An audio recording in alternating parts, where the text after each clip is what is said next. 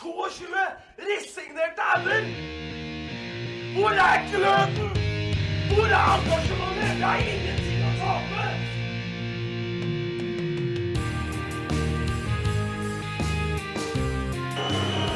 Ja, forlenges tid på Martin Ramsland. Skal du sette etter? Og så gjør han det!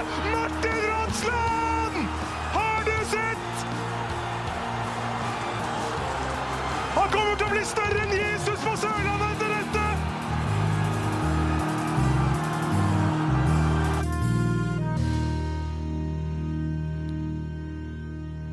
Terje Markussen vil ikke høre på en såkalt eh, markedsekspert, og bruker egen, ja, han bruker sin egen markedserfaring og sine metoder til å skape folkefest. Men Terje han kjenner naturligvis sitt publikum best. Og det kommer nærmere 7000 på Sør Arena. Det er fett. Dritfett. Alle klappa. Alle var klare for en fest. Etter et nydelig vorspiel hos eh, vår søte bror, start en pub. Terje Markussen skriker 'Nå må sport på jobb'.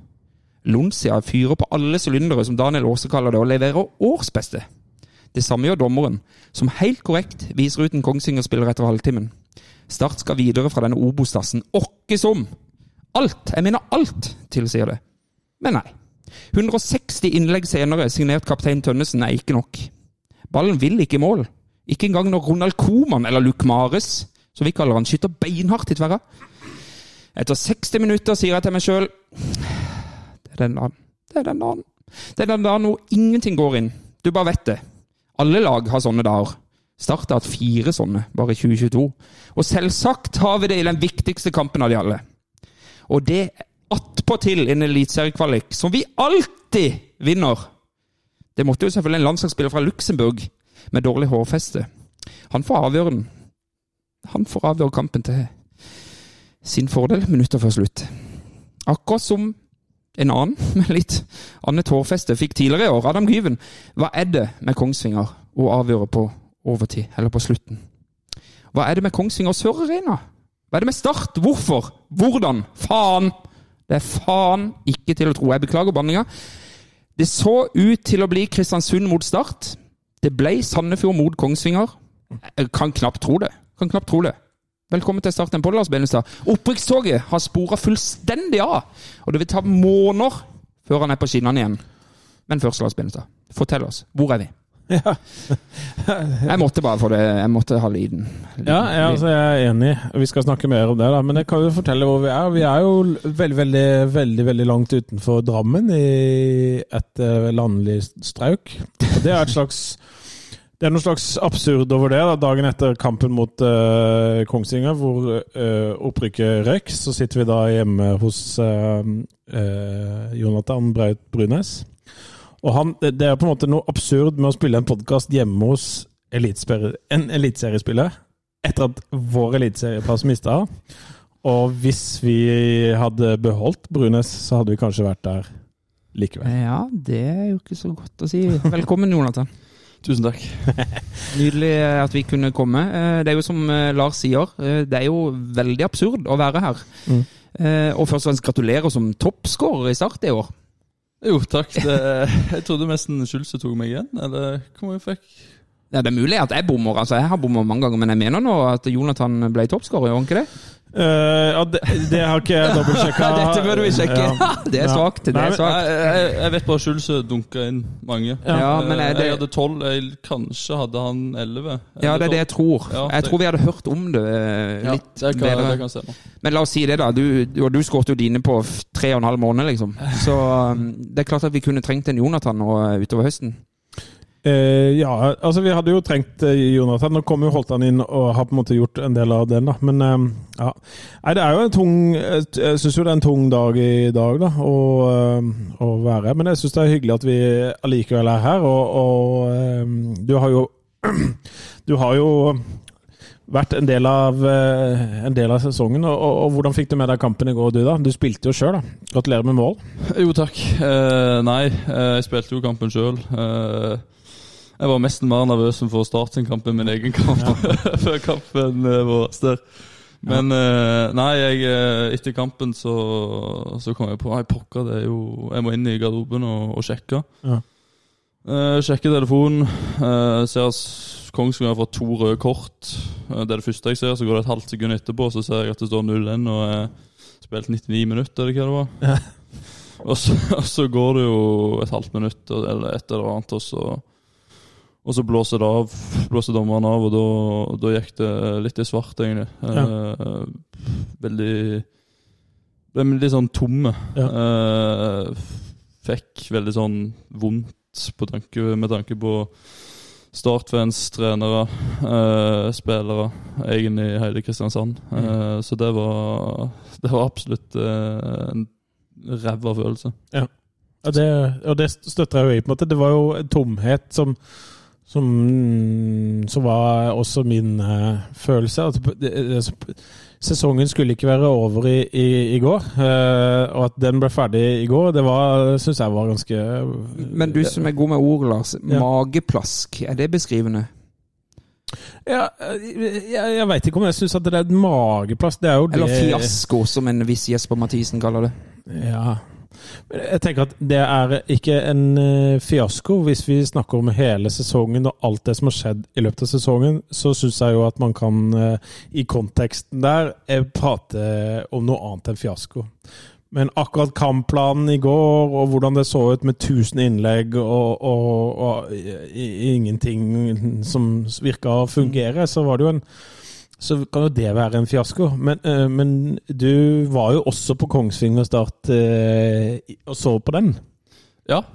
Ja, seriekampen tidligere Ja, i høst. Ja, ja. Mm. Så du sto sammen sammen med Lonsia da. Så, så, så er, hva er det med Kongsvinger som gjør at Start ikke klarer Og de har jo ett poeng av ni mulige i år mot Kongsvinger. Hva, hva er det med det laget? Jeg kan jo ta den, ta den breiere og si at jeg spilte ingen av kampene mot Kongsvinger. Det, det skal jeg ikke gjøre. Nei, ja, Kongsvinger eh, det er ganske, ganske bra lag, men jeg syns samtidig at bortekampen det var en ok kamp. Altså, Ja. Bortekampen mot Kongsvinger syns jeg var, var greit. Borte ja. mot Kongsvinger tar ett poeng. Altså, det, var ikke, det var ikke krise, men det samtidig heller ikke bra. Men den, eh, den heimekampen mot Kongsvinger, da så jeg oppe på tribunen med Magni og Jensen. Eh, og da da var det en frustrerte trio som så der oppe og Ja, det var, det var ingenting som stemte den kampen, og så toppa det seg under Var det Guven som satt Mm. en 0-1 der? Eh, Men var jeg, jeg, jeg har ikke et godt svar på hva som gjør at det er Kongsvinger-laget Men det er jo litt sånn med fotball at noen lag passer sjukt Ja. godt å møte andre lag. Men det er jo ikke, altså, begge de hjemmekampene mot Kongsvinger har vi jo vært klart best. Så det, det, jeg føler ikke Jeg vet ikke, Nå skal ikke jeg drive og gå til angrep på Jonathan her og, og, og analyse, men, men vi, vi står ganske godt til Kongsvinger. Vi har jo vært bedre enn de både Ja, og det er jeg helt enig i, at vi Mhm. var det beste laget, iallfall de hjemmekampene. Ja, nettopp. og bortekampen syns jeg var, det var jevnt og Ja. jevn og jevnspilt kamp. Mm. Eh, og med normal uttelling i går hadde jeg sitter sammen dag, så, så hadde vi med Med, hadde dere dere vunnet.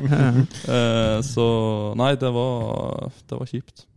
Men, men uh, den f- Jeg trenger ikke snakke så mye om den kampen i juni, da, men den mangla det jo en spiss på. Den, da skåra jo ikke mål. Men i går så kom jo ikke til så veldig mange sjanser heller, og, og det er jo ganske interessant, da. Men, og så har vi jo Vi starta jo flere kamper i år hvor de har spilt mot ti mann som egentlig er blitt ganske dårlig. Eh, Et prakteksempel er jo Stjørdalsmyng borte. ja, ja, ja, det var helt Da trodde man Det var jo det, øh, Men, i, men i går var vi jo gode mot teamene, på en måte. Vi, vi, vi var altså, Ja, men Var vi ved det foran mål? Ja, men ikke for å mål, men vi, vi slapp Altså, det var jo greia mot Blink og mot Koffa vel òg tidligere i sommer, når vi var ti eh, eller spilt mot timene. Det er jo det der at du, du slipper de til så veldig mye. Det gjorde vi jo ikke med Kongsvinger i går. Vi mura jo igjen på en måte de små, spede forsøkene de hadde på Ja. kontring. Helt til slutten, naturligvis. da, men Ja, ja, men hvordan Hva er forskjellen på å spille mot 11 og spille mot 10? Altså, det, det, det høres ut som en fordel. Ja, jeg tror at du blir jo automatisk litt mer vågal da, og kanskje presse Ja. i situasjoner du kanskje ikke bør presse i, for å tenke mer er en vi kan gå, vi kan presse hver gang eh, med muligheten. Og så ender du kanskje opp med å presse på dårlige tidspunkt der lag ikke er i balanse. Og, og Det er masse ting som spiller inn, da, men det er f.eks. en ting som jeg tror kan spille inn. At du blir, blir veldig vågal og tenker nå er det kun oss på banen. her, Nå er det kun vi som skal ha ballen. Nå skal vi presse konstant. Uh, Det var kanskje det vi mangla i går, faktisk. Men, ja, men eh, tenker du sånn på innlegg òg? Altså, eh, vi må bare slå det innlegget fortest mulig. på en måte. Er det derfor det kommer så mye innlegg fra langt opp på men vi savner jo masse punch. Vi savner jo, ja. egentlig det Jonathan sier, at den vågalheten. Ja. Den derre eh, Være ekstra tøff og røff i boksen. Her var det, det ble slått inn dypt hele tida. Altså, nå begynner disse analysene, jeg orker det ikke. Men, men, men, men jeg savner jo egentlig det som Jonathan sier her nå. Den der vågalheten. Ja. Den der med å, å, å, å Så det var det jeg følte, hvis jeg skal ta den Stjørdals-kampen som eksempel, at da, da blir det veldig sånn ok, vi presser, vi går hver gang. Når laget ikke er i struktur til å gjøre det, og så bommer du, og så da er det plutselig to mot to, tre mot tre, og så er det en sjanse imot. sant? Eh, Men det, nå er, det er jo litt dumt at jeg ikke har fått sett den kampen i går, da, så jeg Ja. kan jo ikke uttale meg sånn, nettopp. sånn voldsomt om, om de innleggene du Nei, nei men, men det, var, det var veldig mye innlegg. Eh, og det var en eh, råskap i boksen som, ikk- som var mangelvare, rett og slett.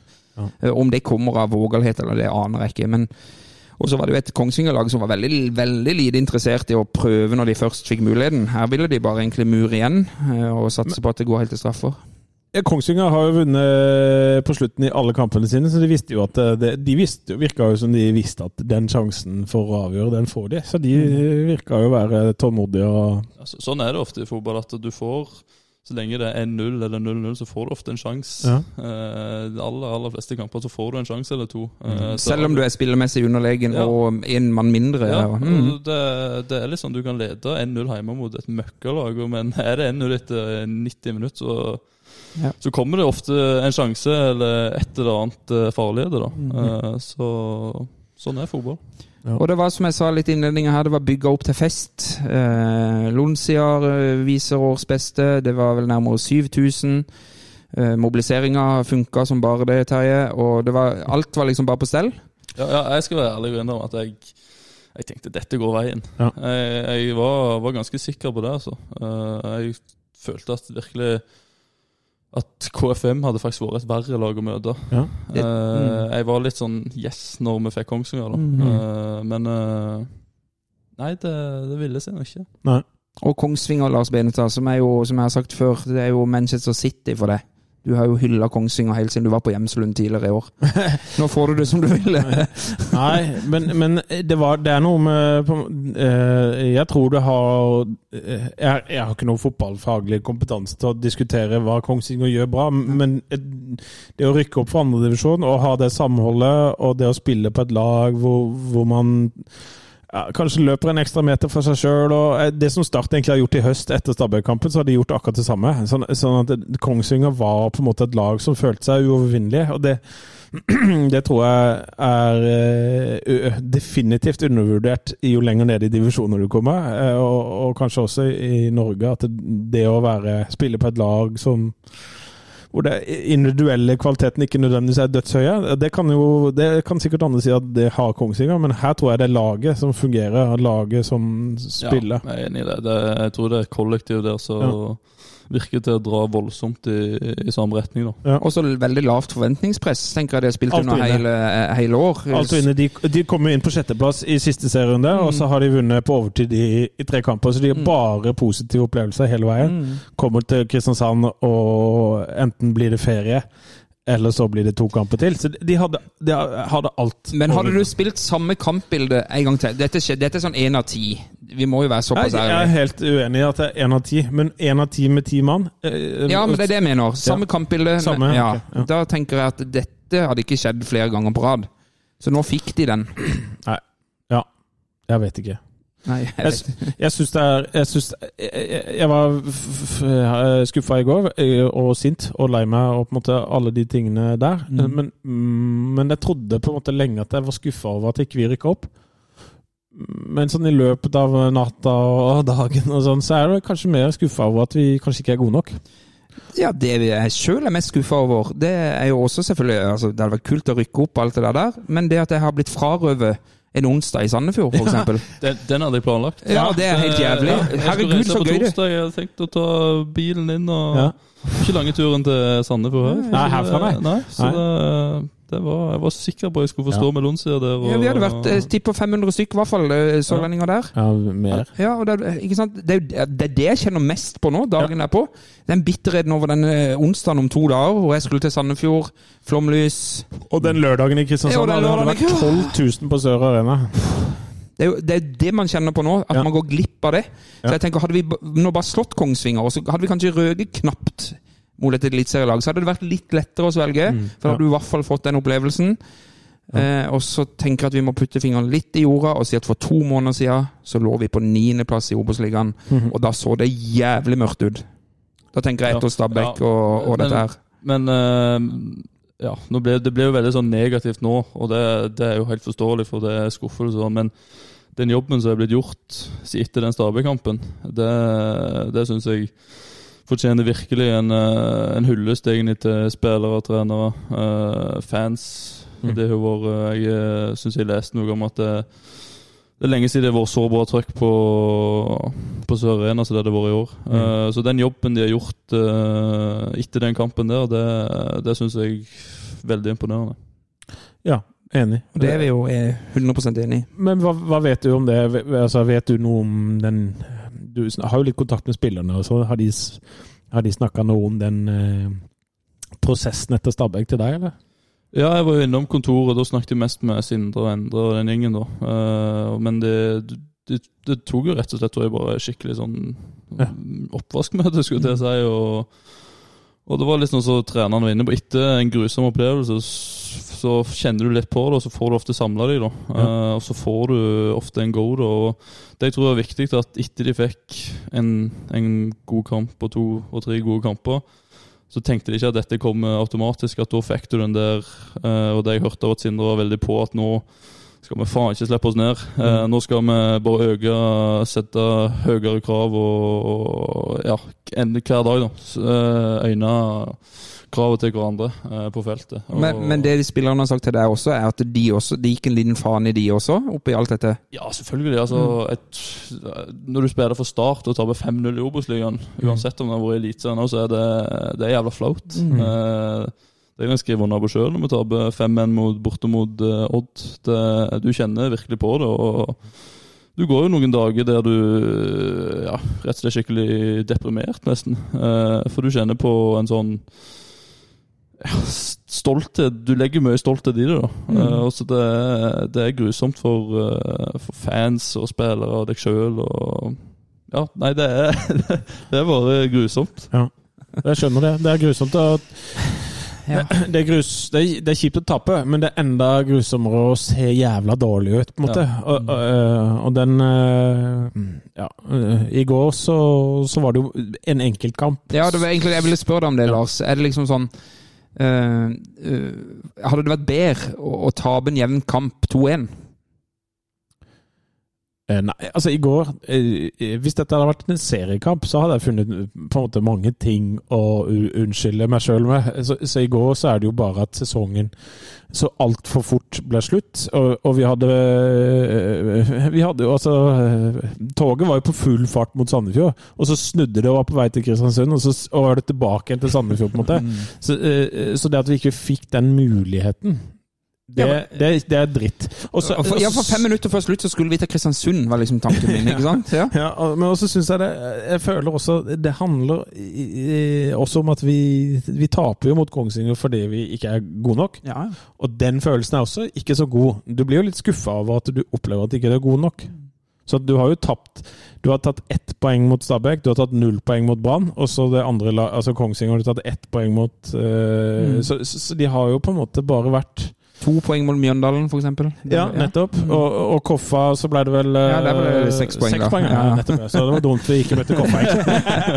Nei da, men, men, men jeg er helt enig med deg at når du bryter deg ned på det nivået, så er vi jo, vi er jo ikke gode nok. Nei, Vi vi fortjente jo ikke å rykke opp. Nei, nei. Og, og, og, den følelsen av å ikke være god nok, den, uh, som startsupporter som, som, som har et sånt intenst ønske eller, om å være en eliteserieklubb, Og det er mange år siden vi har vært en eliteserieklubb, og så får du bekrefta i går enda en gang at eh, ja ja, det er ikke noen eliteserieklubb. Men det er litt grunn til at jeg spør deg, Lars. For det, jeg har også et svar på det. For jeg syns at dette her er så jævlig mye verre enn å tapt en jevn kamp 2-1. Og selv om det så var en kvalikkamp. Det er liksom sånn Ok, men dette her er, som jeg sier, dette er én av ti i mitt hode. At dette skjer.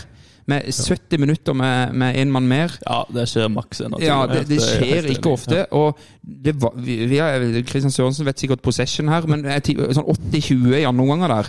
Ja, men han har jo lagt ut Kristian Sørensen har jo lagt ut noe XG på disse offensive Ja, det var, det var skummel lesning, Det var altså. 0,05 og 0,08. De hadde, eller e- noe sånt. altså, Holtan og Sang-Yang var det vel, de hadde én avslutning hver. Var det Ja. det? I andre omganger, eller i hvert fall. Det var ekstremt lite. En XG på 0,05. Jeg, jeg husker ikke. hva Jo, jo, men det var noe sånt. Og det, det er klart, det er jo et eh, Det sier jo noe om kvaliteten, selvfølgelig, at vi ikke er gode nok. Visst er det det. Har du hatt så lav XG noen gang? Jeg tror eh, det er en kamp borte mot Mjøndalen, min siste kamp for Start. Ja. Da tror jeg XG min var forferdelig lav. Ja. Da jeg, jeg kan aldri huske at jeg kom til så lite sjanser og fått så lite å jobbe med og hatt så lite touch inn i 16-meteren. Har du, noe, har du noe forhold til sånne tall et, i ettertid, liksom? Jeg tenkte jeg skulle avbryte og si at det er en mann med selvtillit som skylder på lagkameratene. Nei, nei, men jeg, jeg, spilte, jeg spilte en ræva kamp sjøl. det, var- det var ingen som var gode den bortekampen eh, mot Mjøndalen. Eh, og vi fortjente vel Vi var vel heldige som fikk med, fikk med oss et poeng der. Ja. Eh, Mhm. Men eh, om jeg i forhold til XG Ja, eller om det er liksom statistikk, og er det om deg sjøl og hvordan du har beveget deg, liksom sånne ting. Får du tilbakemelding fra trenerteamet, eller er det noe du sjekker ut sjøl? Ja, eh, mye på, mer på bevegelse, egentlig. Ja. Eh, og så ser, ser jeg og treneren mye på om jeg er i posisjon til å kunne få ballen. Altså Hvis ballen kommer der, er du, er du der du kan sette den. Mm. Eh, og hvis ja, er du rett posisjonert, så Jeg ser ikke så mye på, på den XG-en eh, sjøl, men jeg vet at eh, både Sindre, Horneland og disse her er veldig, veldig på XG. Eh, Og den jevner seg jo som regel ut i løpet av en sesong, for vi var vel Vi skårte vel Jeg leste noe om den XG-en uh, i starten av sesongen her nå, at eh, jeg tror vi slapp inn mye mer enn det vi egentlig skulle gjøre, og skårte mindre enn det vi Ja, det stemmer. det. det Kristian var jo inne på det i en av de episodene vi hadde, at vi fikk dårlig betalt Ja. i perioder.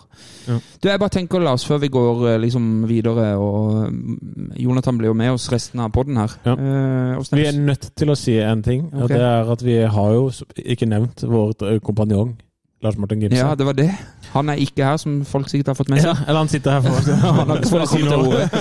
Og som han sier sjøl, så er han jo egentlig litt glad for det. Eh, og så er det sikkert eh, veldig mange av hans sine fans som ville hørt hans tirader eh, i dag. For jeg tror han fremdeles er ganske langt nede i Ja, men da kan jeg jo på en måte skyte inn med det, da, at om eh, en og en halv uke så spiller vi inn en eh, konseptepisode eh, hvor, eh, hvor Gimse skal få fritt utløp, men, men også andre som ønsker å eh, evaluere sesongen sammen med oss. Mm. Må gjerne nå ta kontakt, enten på, på Gmail eller Twitter eller Facebook eller LinkedIn eller eh, eh, TikTok. TikTok Mm. eller Instagram, hva som helst. Og så si ifra hvis, hvis du har lyst å si et eller annet, Ja. så skal vi åpne mikrofon eh, på det. Ja, for dette her blir ikke noen sånn sesongoppsummeringspod, den vi har her. Denne blir jo Jonathan, eh, Jonathan sitt eh, For vi, vi tenker at vi konkluderer med at vi er eh, dritskuffa over å misse Sandefjord.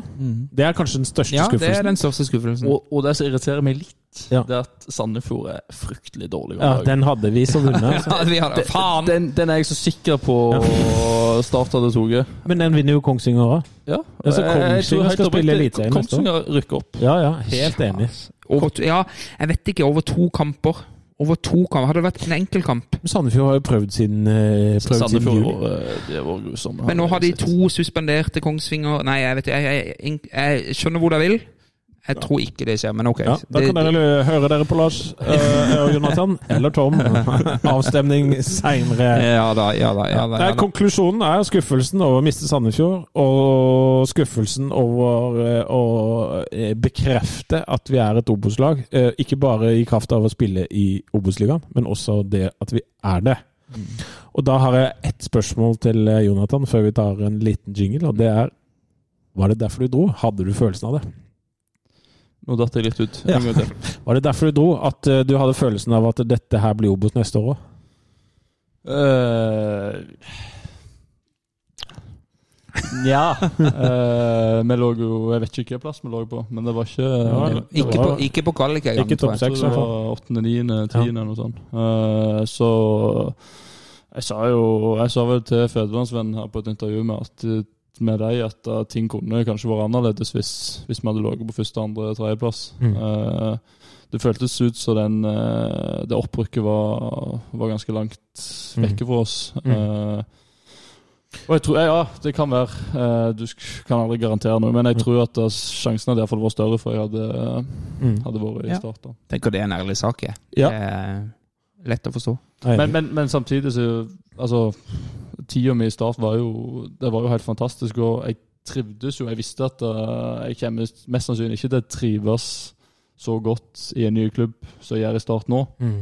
Det var jeg fullstendig klar over. Eh, men eh, det var liksom den der Du, vil jo spille høyest mulig, og Ja. du måtte liksom Ja, det var, det var en grusom avgjørelse sånn sett, da. Men For her tenker du egentlig mest på din egen karriere. Eh, Ja. ja.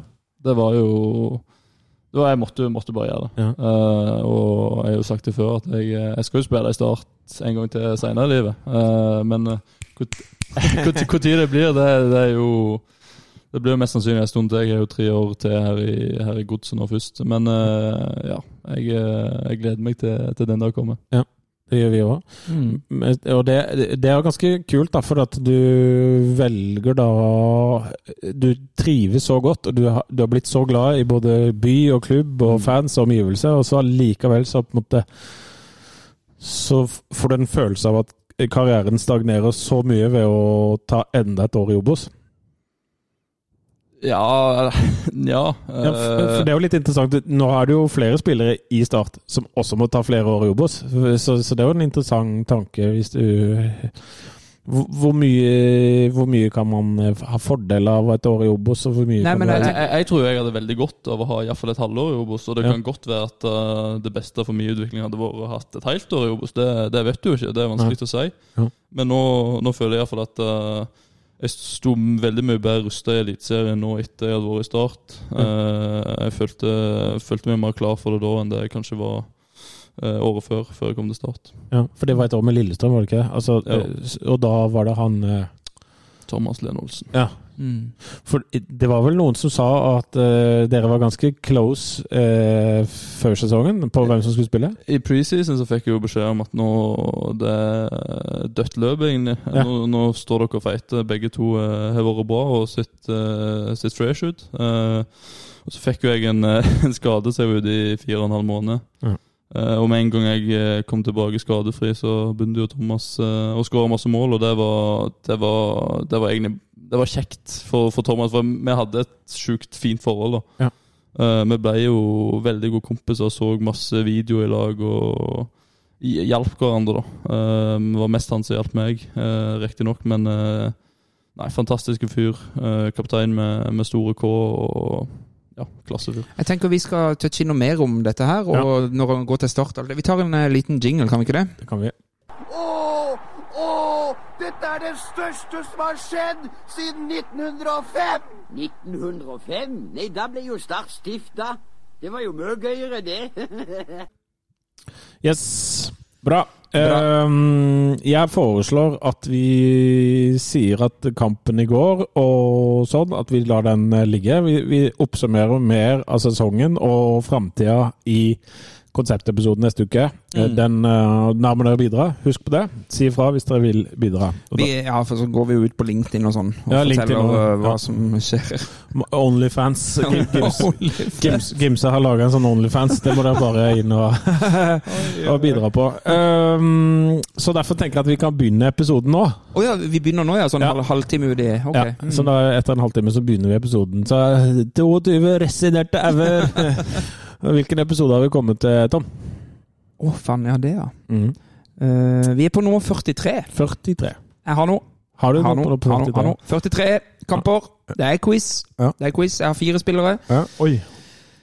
Keeper, jævlig god i din tid. 2000, 90-tall. Espen Johnsen. Ja. 43 kamper for Start. Ja, nettopp, ja. Eh, Spiss, jævlig god. Gikk til England. Gikk til England. Gikk til England. Her, her er jeg ikke sjans. Nei.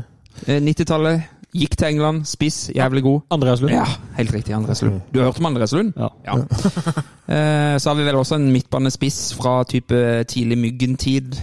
Han her tar du aldri. Du er ikke, dette er ikke de gade, tror jeg. Ikke mye gade. Nei, jeg tror ikke det. Uh, nei okay. Frank uh, Frank Våge Skårdal. Ja, bra. 43 kamper. Og så har vi Tom eh, Henriksen. Tom Henriksen. Mm. Det. Tom Henriksen. Tom Skau Henriksen. Nei, pass. Eh, det var de fire på 43 kamper. Ja. Eh, Syns det var fint. Jeg klarte tre av fire. Mhm. Det er veldig bra. Skal vi gå over på noe sånn heid og Bleig, eller? Ja, vi tar en liten heid og Bleig der. Ja, skal vi ta Gimse? Han har vel sendt inn noe, har han ikke det? Ja. Jeg kan ta den. Ja. Eh, Gimse sin heid, det er Lonsia. Årets startspiller. Punktum. Yes. Enig. Og, og det er- finnes det vel ingen som er i tvil om. Nei. Vi kjører altså på den her eh, nevnte oppsummeringspodden, så kjører vi vel litt sånn årets ditt og datt Ja. og litt sånn gøyale ting. Men jeg vil også høre eh, Jonathans uh, Lonsia uh, hva, hva tenker du om de? Hva, bra. Startfansen. Startfans. Ja, nei, eh, det, det var jo egentlig litt sånn Jeg husker det kom mye folk når vi spilte mot Brann. Tenkte sånn, faen, det var kult, det var jo over 1000 mann. Jeg tenkte nå, nå er det virkelig noe på gang. Ja. Jeg følte det var interessen var, var veldig bra, og vi, vi var jo veldig gode i preseason. Det var Ja, du tenker på Sørlandshallen, den Ja, treningskampen? Sørlandshallen, Ja, ja. treningskampen, ja. ja. Mm. Uh, så da var det jo masse folk, Uh, og jeg tenkte da, da gjorde vi en fantastisk kamp. Og da tenkte jeg at dette, dette lover bra. Og så kom det jo masse folk til, til Sandnes der. Med, Ah. med skuffa. Jeg eh, hadde fire søvnløse nett etter den kampen. Da Bomma på sjanser og var ikke happy. Og så tenkte jeg at nå, nå har vi kødda det til her, altså. Eh, men så kom vi jo til, til Åsane, Ja. og da, og da var det mye folk. ja, det stemmer det. Den Det- første det- seriekampen. Det var, ja. Da var jeg faktisk ganske sjokkert. Ja. Eh, jeg skal innrømme det. Og når jeg skårte etter ett minutt, og jeg så den gleden i, fans, i øynene på fansen som sto der og hoppte og skreik, da var det bare Da var, da var det gjort, da. Ja. Da var jeg forelska i, Ja. i startfansen, altså. Ja, der ser du. Nei, nydelig. Men det, varte jo, det var jo mange folk i, i, i, i veldig mange av de kampene. Du hadde jo var, Det er ett bilde, et minne fra deg. Det er det Grorud borte. Du Mm. går ned på knærne. Ja, Ja, det er fint. Nydelig bilde. Lars Bindestam hadde med seg kidsa der. Og, Ja, ja, de så ikke det, de lekte bak der. Men uansett, det, det var Ja, det er et fint bilde. Ja. Mm, det er det. Så, Nei, nei, det var Det, det, det har vært sjukt bra oppmøte, spesielt i Oslo. Mm. Eh, det vet vel kanskje du litt om, Lars. Ja. Er, det, er det mye Start-fans i, i Oslo? Ja. Men det hi- historisk sett vært veldig mye? Det er mye sørlendinger som bor i Oslo. Ja. Eh, men de har jo på en måte blitt litt vekka til liv i år, føler jeg. ja. Eh, Det har vi, men det er det over hele landet. Altså Ja. Bergen og i, Oslo, og ikke minst eh, Kristiansand og regionen. Mm. Altså, det er jo mange flere på stadion i år enn det har vært. Og kommet på kamper som ikke nødvendigvis betyr noe, men de har, de har klart å mobilisere. Så, så det er gjort mye bra. Så, Eh, Så får vi bare, også bare, jeg vil skyte inn det. Mm. Nå, nå fikk vi en ordentlig nedtur. Vi skulle legge død, den ballen død. Men jeg bare håper altså det, jeg, jeg tror ikke og håper ikke at det dreper engasjementet.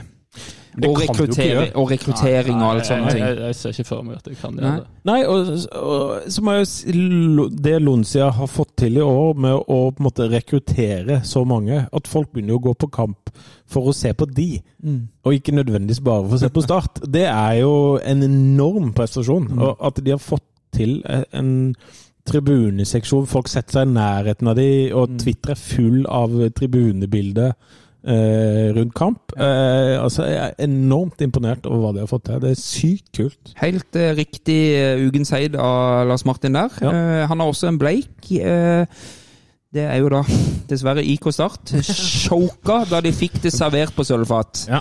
Så her er det jo Det hadde vært litt gøy å ha Gimse med i dag, for jeg tror Ja. han hadde vært ganske Han er så mørk, han òg. Han er mørkere enn de øla han drikker, så det er eh, Ja. Uff a meg, stakkar ja. Det, Kan ikke du ta dine, da, Lars?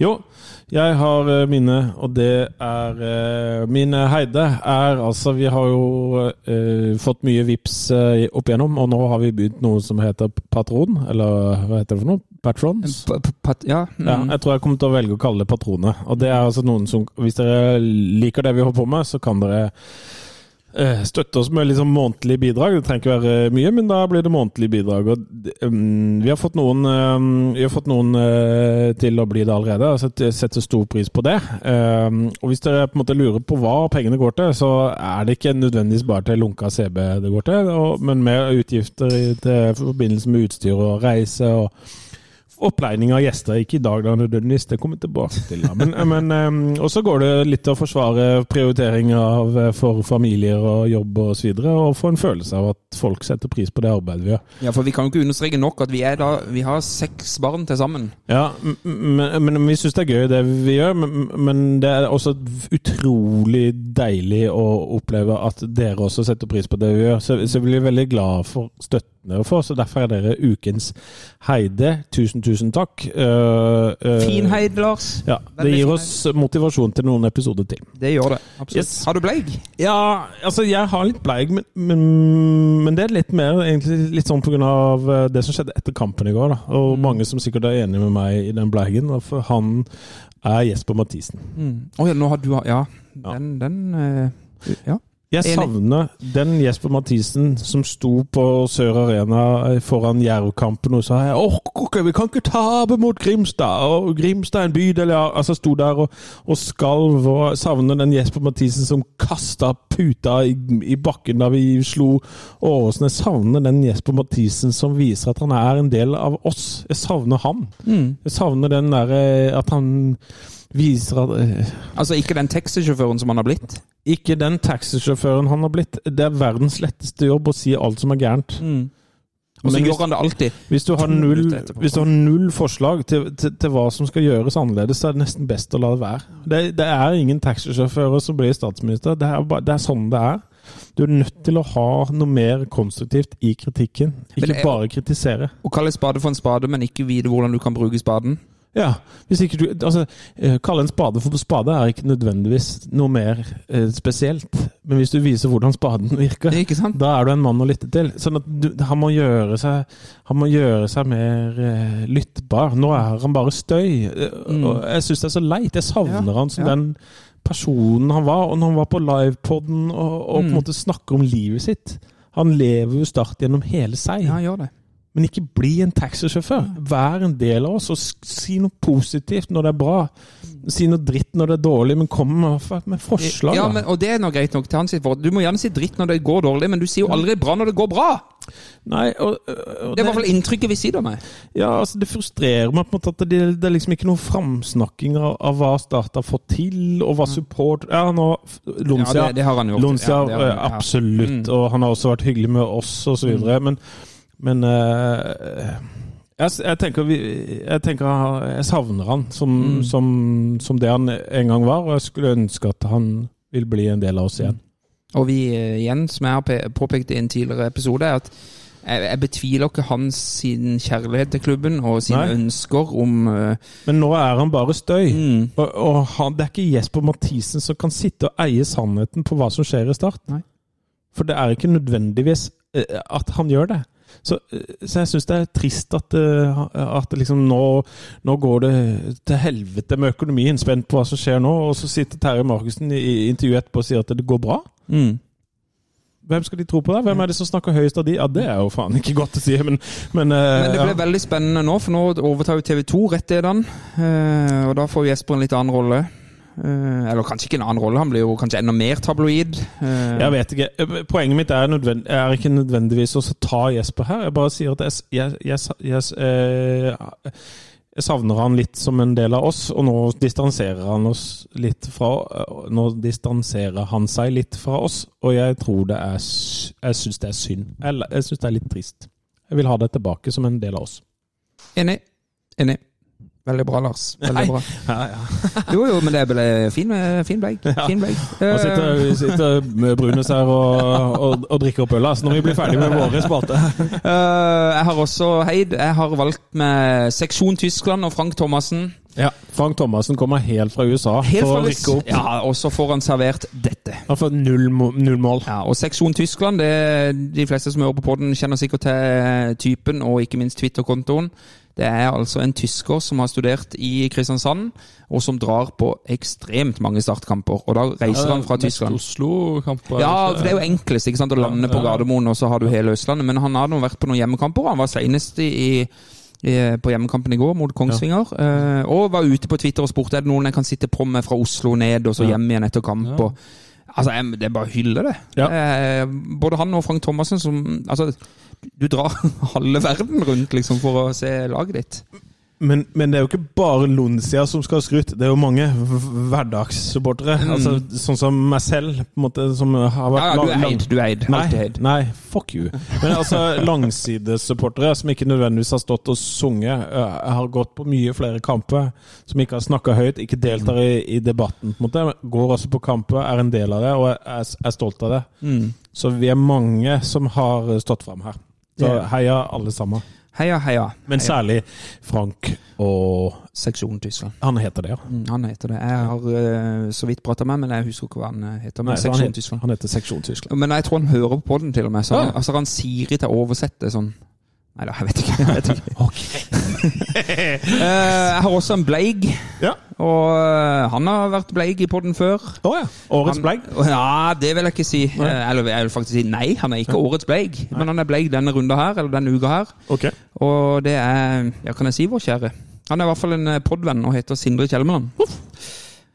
Nei, vi kan ikke være når vi- Vi hvorfor ikke når vi har han på Bleig. Men jeg har gitt han muligheten til å kunne svare på litt spørsmål. Så jeg tror vi prøver å ringe han. Ja, ok.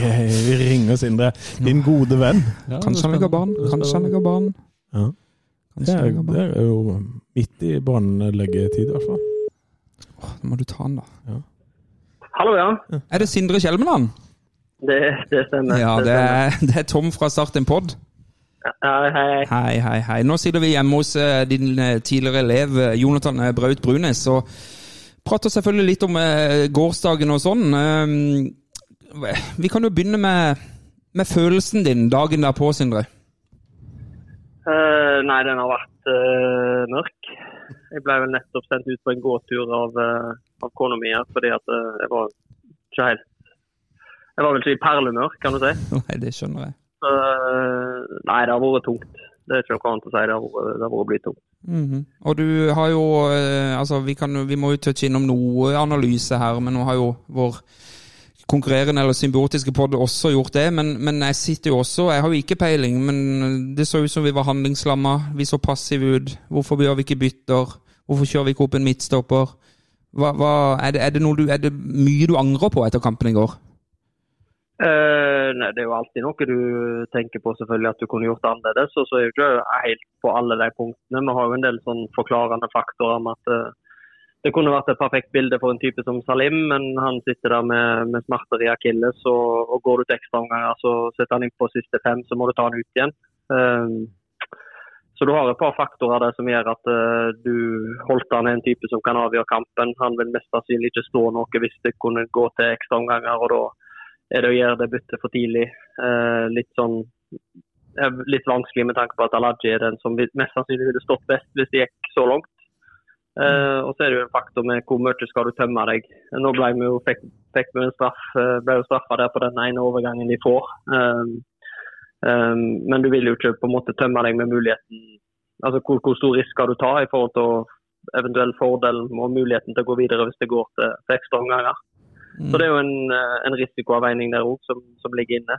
Uh, og så er jeg jo enig i at vi havner jo i et spor som, som uh, blir, med unntak av en periode fra 50 til 65, som blir litt enspora der, der målet egentlig må være å, å kunne angripe på en del av de samme måtene vi gjør, men, men likevel klare å altså, få etablert det trøkket på dem. Det er jo det som på en måte det å vinne ballen igjen, det å få nok situasjoner som gjør at de selv om de ligger med, med, med en veldig lav blokk, og få, og få nok situasjoner på, på de, for, for det å sy seg gjennom sentralt er veldig vanskelig når de ligger sånn som de gjør. Ikke interessert i å presse, ikke interessert i å løfte seg. Så, så vi, har, eh, vi har gjort oss en del betraktninger, ja. Og, og sitter igjen med noe vi sikkert kunne gjort annerledes, og, og noe som eh, som òg på en måte ble var forberedt på at det kom til å skje på forhånd i forhold til de byttene og hvordan vi tenkte rundt dem. Mm. Nei, men Det høres jo for så vidt greit ut. Jeg tenker jeg har tidligere i episoden nå prata litt om tidligere eh, kamper hvor vi har møtt ti mann. Hvor, jeg, hvor vi på en måte, Da har vi vært direkte svake, men jeg, jeg sitter jo med et inntrykk at vi på en måte, vi, vi eide kampen denne gangen etter at vi ble 11 mot 10. Eh, Henger det litt sammen med at Kongsvinger blir veldig dype? Eh, Eller hvordan så du det kampbildet? Altså det er jo, eh, de har jo bra med fart og bra med kontringskraft i utgangspunktet på laget Kongsvinger. Så vi var jo, visste jo på en måte at de kom til å få noen situasjoner i løpet av kampen, selv når det ble ti, at, eh, at de kunne straffe oss på. Men jeg syns egentlig vi kontrollerer veldig greit. Eh, og var ydmyke når vi selv måtte presse dem. Og, og, i forhold til offensiv markering så sto vi greit og fikk liksom etablert og, og vunnet ballen igjen veldig ofte. Og så blir det jo at vi ikke klarer å få den ja, kanskje ikke utfordra nok én mot én på sidene. Eh, tøft nok til å komme oss enda nærmere mål.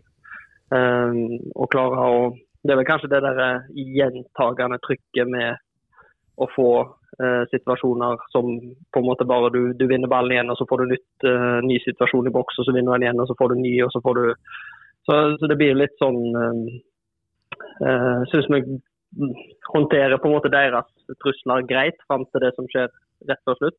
Mm. Uh, men uh, vi kunne absolutt uh, vi hadde forutsetninger og vi kunne og burde skapt mer enn det vi, det vi klarte sjøl for, å få, for å få den første skåringen.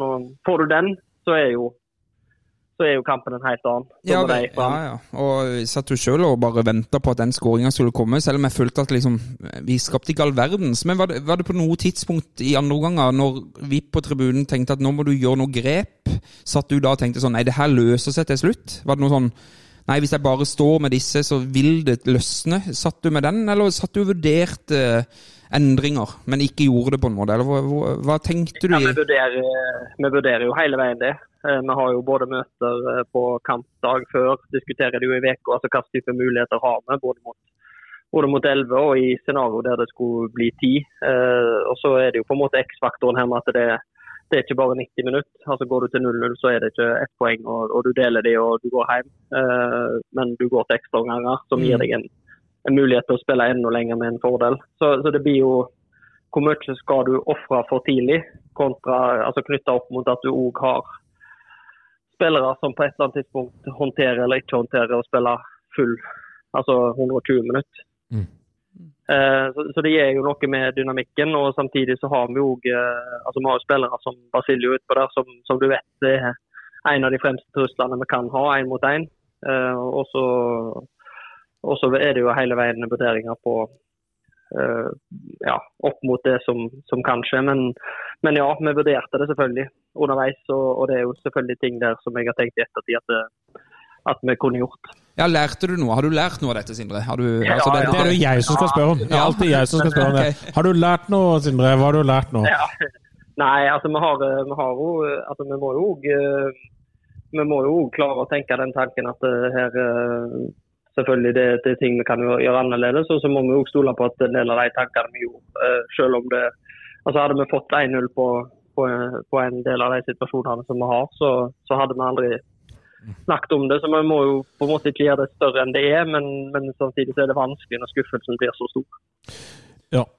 Men du, er det sånn at du For du får en annen skuffelse enn oss. For vi har snakka om at skuffelsen ikke nødvendigvis baserer seg på enkeltkampen, men det baserer seg på mulighetene om de neste kampene som glapp. Men er det sånn at du er mest skuffa over uh, gårsdagens kamp isolert sett, eller har du større kontekst i din, in, din skuffelse? Uh, nei, det vondeste blir vel for min del å se spillerne og supporterne ja. sånn som det ble. Okay. det var ikke Ja. Det, du ser spillere som er helt knust, og, og, og supporterne som er, er, helt knust. og det, det, de gjør vondt. Så det, det er nok ikke den på en måte, Selv om jeg er glad i både analyse og sånn, så er det nok ikke det analysen av den kampen her som står i, i første rekke akkurat nå. Nå, er, ja, det har vært en tung dag. Ja. Et spørsmål til før jeg skal introdusere deg til en gammel venn av deg. Men uh, uh, er det Kristian hva heter det for noe, Sandefjord eller Kongsvinger som rykker opp til Eliteserien? Uh, nei, Nei, nå fikk de jo to tunge suspensjoner, Kongsvinger. Mm. Uh, så det har kosta litt å spille med teamene òg, så jeg tror nok at den første kampen her vil avgjøre veldig mye på Altså Klarer de å holde ut der og får de på Gjemselund med et OK resultat, så kan Kongsvinger ta det. Eh, Det er ikke, det ikke, det er ikke noe svakt lag, det. Mm. Hva slags melding har du fått av din gode venn eh, etter kampen? da? Er han fortsatt din gode venn? Blir han invitert til ditt andre bryllup? Nei, Nei, det blir ikke noe andre bryllup. Nei, beklager. Flåsete. Men eh, har, har, det vært eh, Er du forbanna på han nå? Nei, det er jo ikke noe med han å gjøre dette her. Så altså, jeg eh, glemmer veldig fint ut hvem som står på sidelinja på, på andre sida når, eh, når kampen er i gang. Så, ja, Sindre, sitter du med følelsen av at dette her er sånn én av ti? Altså vi vinner ni av ti av disse her kampbildene her? Ja, det eneste som skrev etter kampen, var vel at vi hadde gullhår. Ja. Eh, så, så vi har vel eh, det meste Ja. antall touch i motstanderen sin boks som vi har hatt gjennom sesongen. og det, Men dere, Ja, det er dere, skårer, dere skårer ikke mål, da. Og, og her sitter jo den er en spiss ved siden av oss. Han har jo kommet med sin analyse. og han så det siste minuttet på VG Live, sånn at den eh, Men eh, her er altså Jonathan Brøt Brunes, og han har innrømt at det han tenkte på underveis i Bodø-Glimt-kampen, det var hvordan det gikk på Sparebanken Sør Arena. Ikke underveis etter kampen. Etter hver- Kampen Så, Jeg smører alltid litt på det den. var derfor han satt den der avslutningen sin nede i hjørnet. og- Ja. Ja, stemmer. Nei, Sindre, du kan eh, eh, fortelle, fortelle oss hva det var vi hadde med, med Jonathan. Nei, Vi hadde jo først og fremst en, eh, en målskårer. Eh, han, eh, han har absolutt altså forbedringspotensial, selv om han har blitt en bedre avslutter underveis i sesongen. Synes jeg. Så han, han har eh, på en måte den der naso for, eh, for mål. Altså Du ser det litt på han eh, uansett hva situasjoner du, du plukker han i, så, så er han alltid på gang. Han lukter alltid en gjennombruddspasning, han lukter alltid et innlegg. Han er liksom alltid altså Det som vi prata mye om, var jo posisjonere deg for det som kan skje, og ikke for det som Altså, ikke bare for det som å tenke på hva tid du kan skåre, men tenk deg på hvor mange ganger i løpet av en kamp kan du være i posisjon til å få ballen, Ja, sånn at det, du kan komme deg det sa jeg for 20 minutter siden. Så det, Ja, ok. ja, men Dette var ikke lei på det? da? Jo, jo, dette er live. Dette er live. Ja, altså, jeg har ikke fått med meg de første 20 eller første timene på- det er fint, det. Sindre. Men, men eh, Sindre, er det noe, har du noe juice på din eh, tidligere elev, da? Hvem, hvem var Jonathan ute for banen? Eh, nei, det som jeg om dette blir jo kjedelig, da, men han uh, Hva er mønster profesjonell? Uh, Ja. Han har jo sånne rare briller. Det er mye sånne greier med han. Eh, han og Kristoffer har mye greier. Altså, det eneste de drømte om, det var sånne ekstra restitusjonslys og Jeg vet ikke hva det er engang, men de drømmen deres er vel å kunne sitte i sånne toseter sofa med sånn sjeselong med sånne, der, eh, sånne oksygenbein med, sånn som hjelper. Jeg tror det er et drømmescenario med sånn restitusjonslys og så sånne briller som tar vekk eh, Hva er det det heter, Jonathan? Blått lys. Blått lys, ja. Ja, Så lett det stemmer, Jonathan. eh, Ja, ja. Det, det stemmer på flekken, det. Det var meg og meg og Tønnesen har hatt, eh, hatt mye av våre kvelder der vi har sittet og ja, vært profesjonelle, for å si det sånn. Ja, det er bra. Du, Så Sindre? Korean har jo potensial til å kunne, til å kunne ha det gøy òg, hvis, hvis, hvis anledningen byr seg.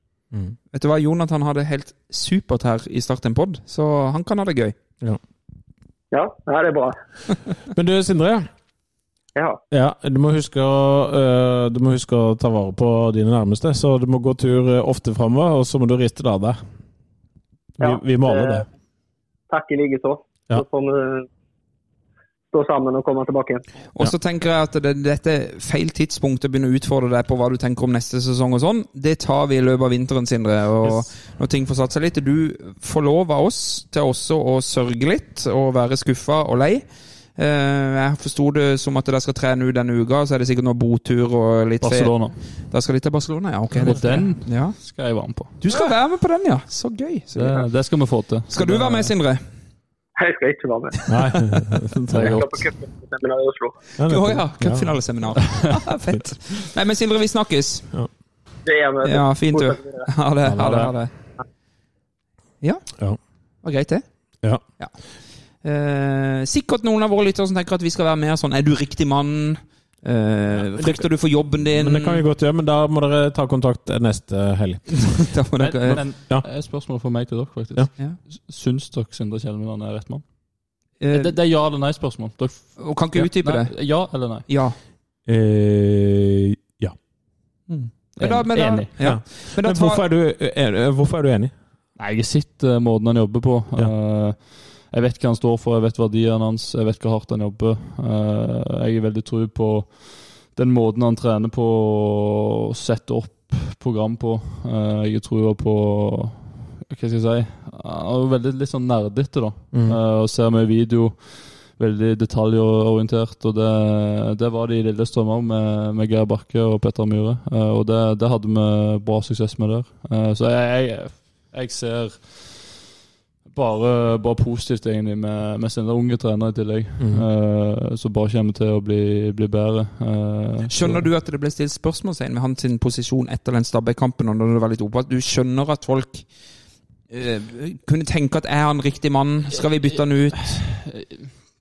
Både òg, for det Altså, så klart hvis Start ligger på tiendeplass i Obos-ligaen, Som vi da gjorde omtrent Ja, på den tida. Så, så tenker jeg jo sjøl at noe er, er feil, men så må du jo se alt det, det Start var gjennom. Altså Mm. I preseason og før sesongen. Det var ikke et budsjett, og det var, det var veldig mye greier. Så han er jo starta med Han er jo ikke akkurat starta med Hva heter det? De beste forutsetningene. Ja, De beste forutsetningene. Mm. Det, det har han absolutt ikke. Uh, selv om uh, Start skal være en klubb som kjemper opp. Og det, det gjorde de jo i år òg.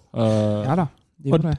Det er jo eh, i skuffelsen her Nå blir vi jo pratet om neste sesong, men i skuffelsen her så glemmer vi jo på en måte kontekst. At i 1.1.2022 så ble Start eh, født på ny. Ja, vi feira Start en exit og alt Da det var der. det eh, noen råtnende grunnpilarer fra Start en drøm, og noen eh, rester av noen mm. fine ord som forsvant ut, og en klubb som ikke visste hva de hadde. Mm. Og flere eksperter spådde oss bak topp seks, og ender opp Uh, på tredjeplass. Mm.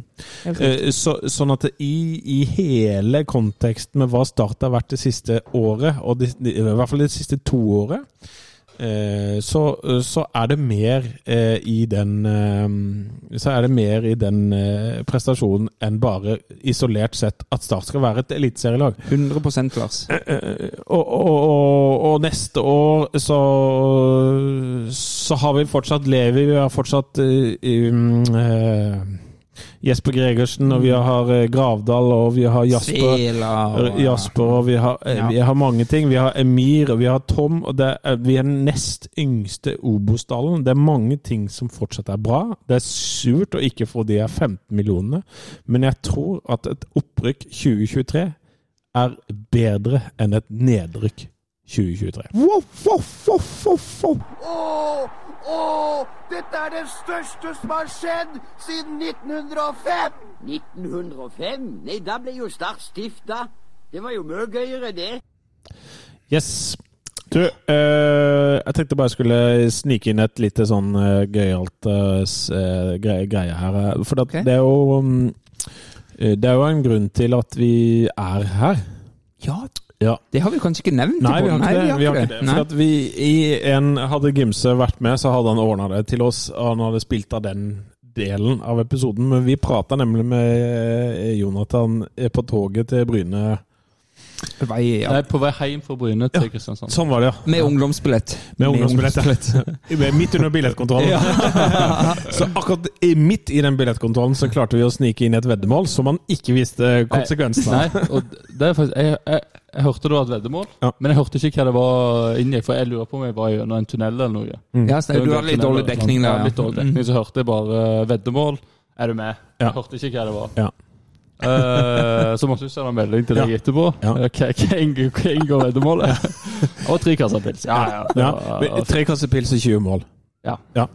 Og det, eh, det var du jo på god vei til. Eh, det hadde du jo klart, hadde du blitt til start. Ja, ja, jeg diskuterte jo litt det med Sindre Når han påstår jeg hadde hatt mellom 25 og 30. Ja, det- jeg, jeg, jeg skal ikke være breial, men jeg tror jeg hadde skåret over 20. Ja.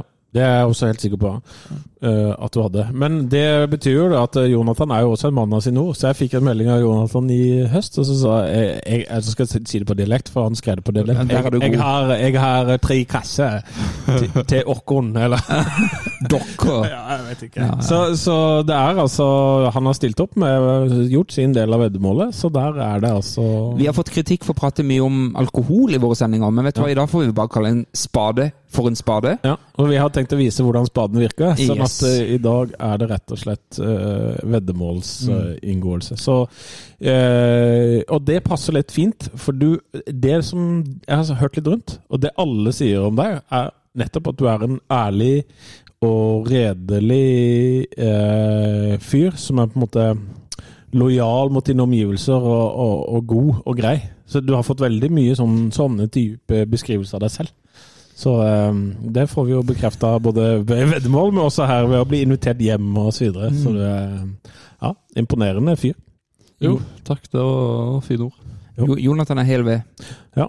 Men det har vært også litt gøy å se om det har vært noen hele ved tidligere i denne klubben. Så okay. Skal vi ha en liten retro, eller? Ja, faen, det må vi. Ja. Kan ikke du prøve prøv å lage jinglen Ja, nå? skal prøve. Ja. Drum, dum, Retro. Ok, her kommer originalen, da. Retro. Bam, bam, bam. Retro. Den er, den er jo fin, den der. Den Ja, jeg tenker jeg, jeg, jeg, vi var diskuter, altså, Det å ha retrospalte i dag, det er jo litt tungt. Men, men vi, er, vi er en stolt klubb. Ja, og jeg er litt spent, for det er min tur i dag. Ja. Og jeg er litt spent om denne faktisk gjør at det er litt gøyere igjen. For det, Terningkast tre sist. ja, terningkast tre, så det er, det er beinhardt. Ja. Eh, Skal vi se om Jonathan husker det. Jeg har valgt eh, Vi har pratet mye om Kongsvinger. Ja. Og det virker som at vi alltid taper hjemme mot Kongsvinger. Ja, ja. Men det har vi ikke alltid gjort, min venn. Nei. Og vi skal ikke så fryktelig langt tilbake, faktisk, i retrospalta denne gangen, for å finne forrige gang vi slo Kongsvinger på Sør Arena. Ja. Vet du når? Er det er vel tippe 2019? Kanskje. Ja da, helt riktig. Vi vant hjemme i 2019. Ja. Vi vant uh, 3-1. Ja. Eh, vi leder 3-0, og så reduserte det en spiller sånn litt før slutt. Hadde han Gyven? Nei, det var faktisk ikke det. det, var faktisk ikke det. En liten, skårte mål, eh, skårte for Eh, start? For start, du kan tippe. Det var en som skårte to, og så var det en som skårte 3-0. Eh, 2019, Jonathan. Fristende å si Ramsler, men han tror vi Han skårte ikke. Men han var, han var med. med. Hvem pokker Ropstad? Nei. Han skåret mot Sandefjord det året. Det Nei var men, vi, men da spør jeg deg, Lars, som har bedre forutsetninger for å kanskje ta det. Eh, han skårte to mål, eh, altså opp til 2-0. Kevin Cabran. Nei, men vi er i samme gate. Vi er oppe i, på Ving, ving eh, Bringaker? Nei. Nei. Nei, vi skal til Oi, han Aron. Ja, Aron Sigurdasson. Ja, han skåret har to. han skåret to. 1-0 og 2-0. Ja. Eh, Og så er det en midtstopper eller noe sånt. nei, det var en midtbanespiller fra Bergen som skåret 3-0. Spiller ikke i Start nå. Eh, midtbanespiller for Bergen. Mm. I Ja, Skånes. Skånes, ja. Ja. Helt riktig. 3-1. Nei, 3-0. Ja, nettopp. ja. Og redusering av en eller annen Markus Ånesland fra Kongsvinger. Sparebanken Sør Arena. Eh, eller Sør Arena, som jeg kaller Eh, det. Hvor mange folk var det? Eh, mm, ja, jeg vet, men vil du tippe? Ja, det tror jeg er lite. 1900. Oi. Det, det, kan, altså det som er det verste av alt, altså det kan godt være at det var det. For her er det masse gratis eh, årskort fra Start en drøm. Kampen gikk i 16. runde, så det var eh, sensommer, eller 14. august. Nei, 4. august. Ja, Jeg så tallet var 2004, da. 2003. Nei, altså antall solgte billetter, da, som er jo det som det opereres med, det var faktisk Hør nå, hold deg fast. 5132. Ja, det tror jeg ikke. Men eh, det der er noen uh, årskort uh, Ja, men, det, ja, men vi er jo alle enige om at det er jo aldri det reelle tilskuertallet i eh, moderne tid som blir opplyst. Nei, for, for jeg hørte 2019, så det var lite, generelt lite folk på, på stadion da. Ja. Så, så det, Men jeg tipper sånn som her, sånn som jeg kjenner Sør Arena og mine opplevelser, når det er 5000 solgte, så er det ja, kanskje rett over halvparten som er inne. Ja, Terje Markussen vil være uenig, men jeg er helt eh, det Jeg vet, Det er vanskelig å si, men jeg så på de tallene Hvis du har sett på tilskuddstallene fra 2019, og de, de er ganske jevne rundt 5000, eh, og det betyr at det er ganske jevn andel av eh, årskort, og så er det lite kjøp opp og ned. Det er riktig. Mens hvis du ser på årets, så har du jo noen to topper og ganske varierende, så, så det er mye mer um, Ja, men det er ja, nok riktig. Det er nok bedre besøkte kamper i år. enn en det var den gangen. Og det er nok Yes. det Jonathan er inne på. At det, var nok, det opplevdes nok som færre folk på den tida der. Ja. Eh, Vi hadde jo også på den tida Det var vel egentlig kun Ultras uh, 1905 som på en måte var fremtredende supportergruppering, mens nå er det mer en samla startfamilie som, som er på, på kamp. Ja, Eh, men, men, men det, hvorfor har det vært sånn? åh, det, vet du hva, det trenger vi en hel episode til. For å Ja, men kan svare litt, da. Få en kjapp eh, oppsummering. For, det, for det, jeg fikk jo plutselig eh, liksom fikk vite her at nå var det Lonsia, nå var det samla. Men jeg har jo ikke vært der, der før, så jeg vet på Nei, jeg kan, jeg kan prøve jeg kan prøve så godt jeg kan. Eh, Det er jo prøvd flere ganger opp gjennom historien å starte en slags sånn eh, gruppering for alle. Altså, ikke sant? Eh, eh, Vi er alle mennesker, vi har forskjellige meninger, vi har forskjellige holdninger til det å være supporter. Ja. Noen går sånn kledd, noen går sånn kledd, eh, osv., osv. Og og det er jo et arsenal av typer, altså mennesketyper, i en sånn supportergruppering. Og, og mye meninger, ikke minst, som gjør at man er prinsippfaste. Eh, skiller seg litt fra hverandre. Jeg kan ikke stå med han, for han mener det. Altså, Mye sånn. Og dette er ikke unikt for idrettsklubben Start, det må bare sies. Dette, men, men jeg tror nok veldig mange i Norge alt, altså De som er litt bereist på supporterlivet, tenker at det er alltid så, det er så mye greier i, i Kristiansand. Det er sånn, Du har den grupperinga, den grupperinga. Man blir aldri enig. Vålerenga hadde vel en del av det samme. De har vært innom mye av det samme, og flere andre klubber har vært innom det samme. Helt sikkert Gods også. Eh, Det som er greia nå, da, hvis vi på en måte bare prater om nå, det er jo det at nå har vi endelig Altså, Sist gang vi kunne samles under en samme paraply, det var kanskje menigheten i 2005. Altså når vi kjemper om serie Det var jo før du var født, Jonathan. Men, men, men, det, er jo, det er jo derfor også jeg er opptatt av at denne podden hyller det som skjer nå. For vi er så få her i landet, Det er ikke det noe som heter? Vi er så få, egentlig, i det store bildet, som heier på Start. At vi Altså, det å se at vi kan på en måte stå på samme tribune sammen og synge de samme sangene eh, og være sånn mer eller mindre mer enige enn før, det, det For meg som har vært på stadion i 30 år, det varmer. Det varmer Ja, det- skikkelig. Ja, det er jeg helt enig i. Det er noe eget med en klubb. Altså, det, det, jeg føler det går litt utover sånn imaget til en klubb hvis du er fullt av grupperinger. Eh, en support, altså supporter, Mm. fullt av forskjellige supporterklubber. Og så vil, Eh, ja, vil du alltid ha eh, stemmer og personer som vil regjere, bestemme i sånne grupperinger. Men nå virker det som at man har møttes litt sånn på halvveien. At man lytter på ytterpunktene på begge sider. Og, og det har gått bra, virker det som. Altså Det er vanskelig å sitte her på Østlandet og mene for mye om det, i og med at vi ikke er så mye hjemmekamper. Men ikke minst på bortebane så har det vært en veldig fin sammensveisa startfamilie som har eh, som har uh, heid guttene frem til seier. Mm. Neida, men, men dette, dette er et kjempeinteressant tema, eh, Jonathan. Jeg synes det er gøy at du tar det opp. og Vi har jo pratet om det i et år nå, at vi burde ha en sånn episode hvor vi på en måte går kanskje enda mer i, i, i dybden på dette, og kanskje invitere noen folk som, som er fra alle konstellasjoner, ikke sant? for å høre deres meninger. Eh, takk for meg. Takk for meg. Eh, Nei, Jeg skjønner at det er et, eh, et langt svar. Det er et langt svar. Kort spørsmål, men, men eh, det er uansett kult, og vi er alle enige om det. Og, og det er også sånn at det, det er lettere Jeg har jo vært en sånn langside i hele livet mitt. Mm, Men det er mye den følelsen av at det, jeg kunne ha gått ned på Lonsia nå hvis jeg hadde lyst til det. Det hadde ikke vært noe problem. Men selv om vi ble Vi var jo på Lonsia en gang i år eh, på hjemmebane mot Ja. Brann. Ja. Eh, altså Jeg har ikke aldri hatt så vondt i hodet etterpå. Men Nei, det er jo mer et alderstegn, tenker jeg. enn, Ja, det eh, skal ikke Lonsia Det går med på, eh, på, på, på oss. Men eh, bare sånn avslutningsvis. Altså Det Start-familien er nå, det har vi ikke sett siden 2005. Det tør jeg påstå, det står jeg for. Altså Den, Ja. den sammensveisinga vi ser nå, den mangler sidestykke i nyere tid. Og vi framsnakker det, fordi vi skal fortsette med det neste år. Helt riktig. Jeg skal bare avslutningsvis på retro... retro Ja, for vi er på retro. Det er derfor det er det, det vi er. Sporet Eh, greit Ja, ja. eh, nei da, men eh, vi bare tar lagoppstillinga kjapt. Ja. Keeper er jo enkel. Eh, ja, det er Doimland. Ja, Høyrebekk. Eh, Ropstad. Nei. Nei. Han har vel aldri spilt høyrebekk. Nei, venstre. Han er venstrebekk, Ja. det er helt riktig. Ja. Så Ja, altså, Damon start... Love også Nei, Damon Love hadde Suspensjon, han Suspensjon, han var. Det vel han eh, andre, han eh, Høyrebekk i 2019, Lars Benestad. Ja. Gikk til Sarpsborg. Det var Vikne. Eh, en trønder og en serping i midtstopperet. Jørgensen og uh, Trønderen. Ja, han eh, Hammer Berge. Ja, Sandnes Ulf. Ja. Og så har vi eh, ja, nesten fem stykk på midten, da, men to dype. To uh, afrikanere. Ja, da er det Tom og uh, Afis. Afis Armo, helt riktig. Og så har vi en i mellomrommet. Skåret 3-0-målet. Jeg har glemt hvem det var. Det var Kasper Skånes. Det var ja, Kasper Skånes. Jeg har så glemt det. Og så har vi da altså tomålsskårer eh, Aron Sigurdarsson. Og så Kabran på andre sida. Helt riktig. Og hvem var på topp? Hvem starta på topp i den kampen her? Ja, det var, for det var ikke Ramsland. Det var ikke Ramsland. Da var det der var, Eman Markovic? Nei, det var Floki. Nei, Floki var ferdig. Han var ferdig, han. Ja. ja.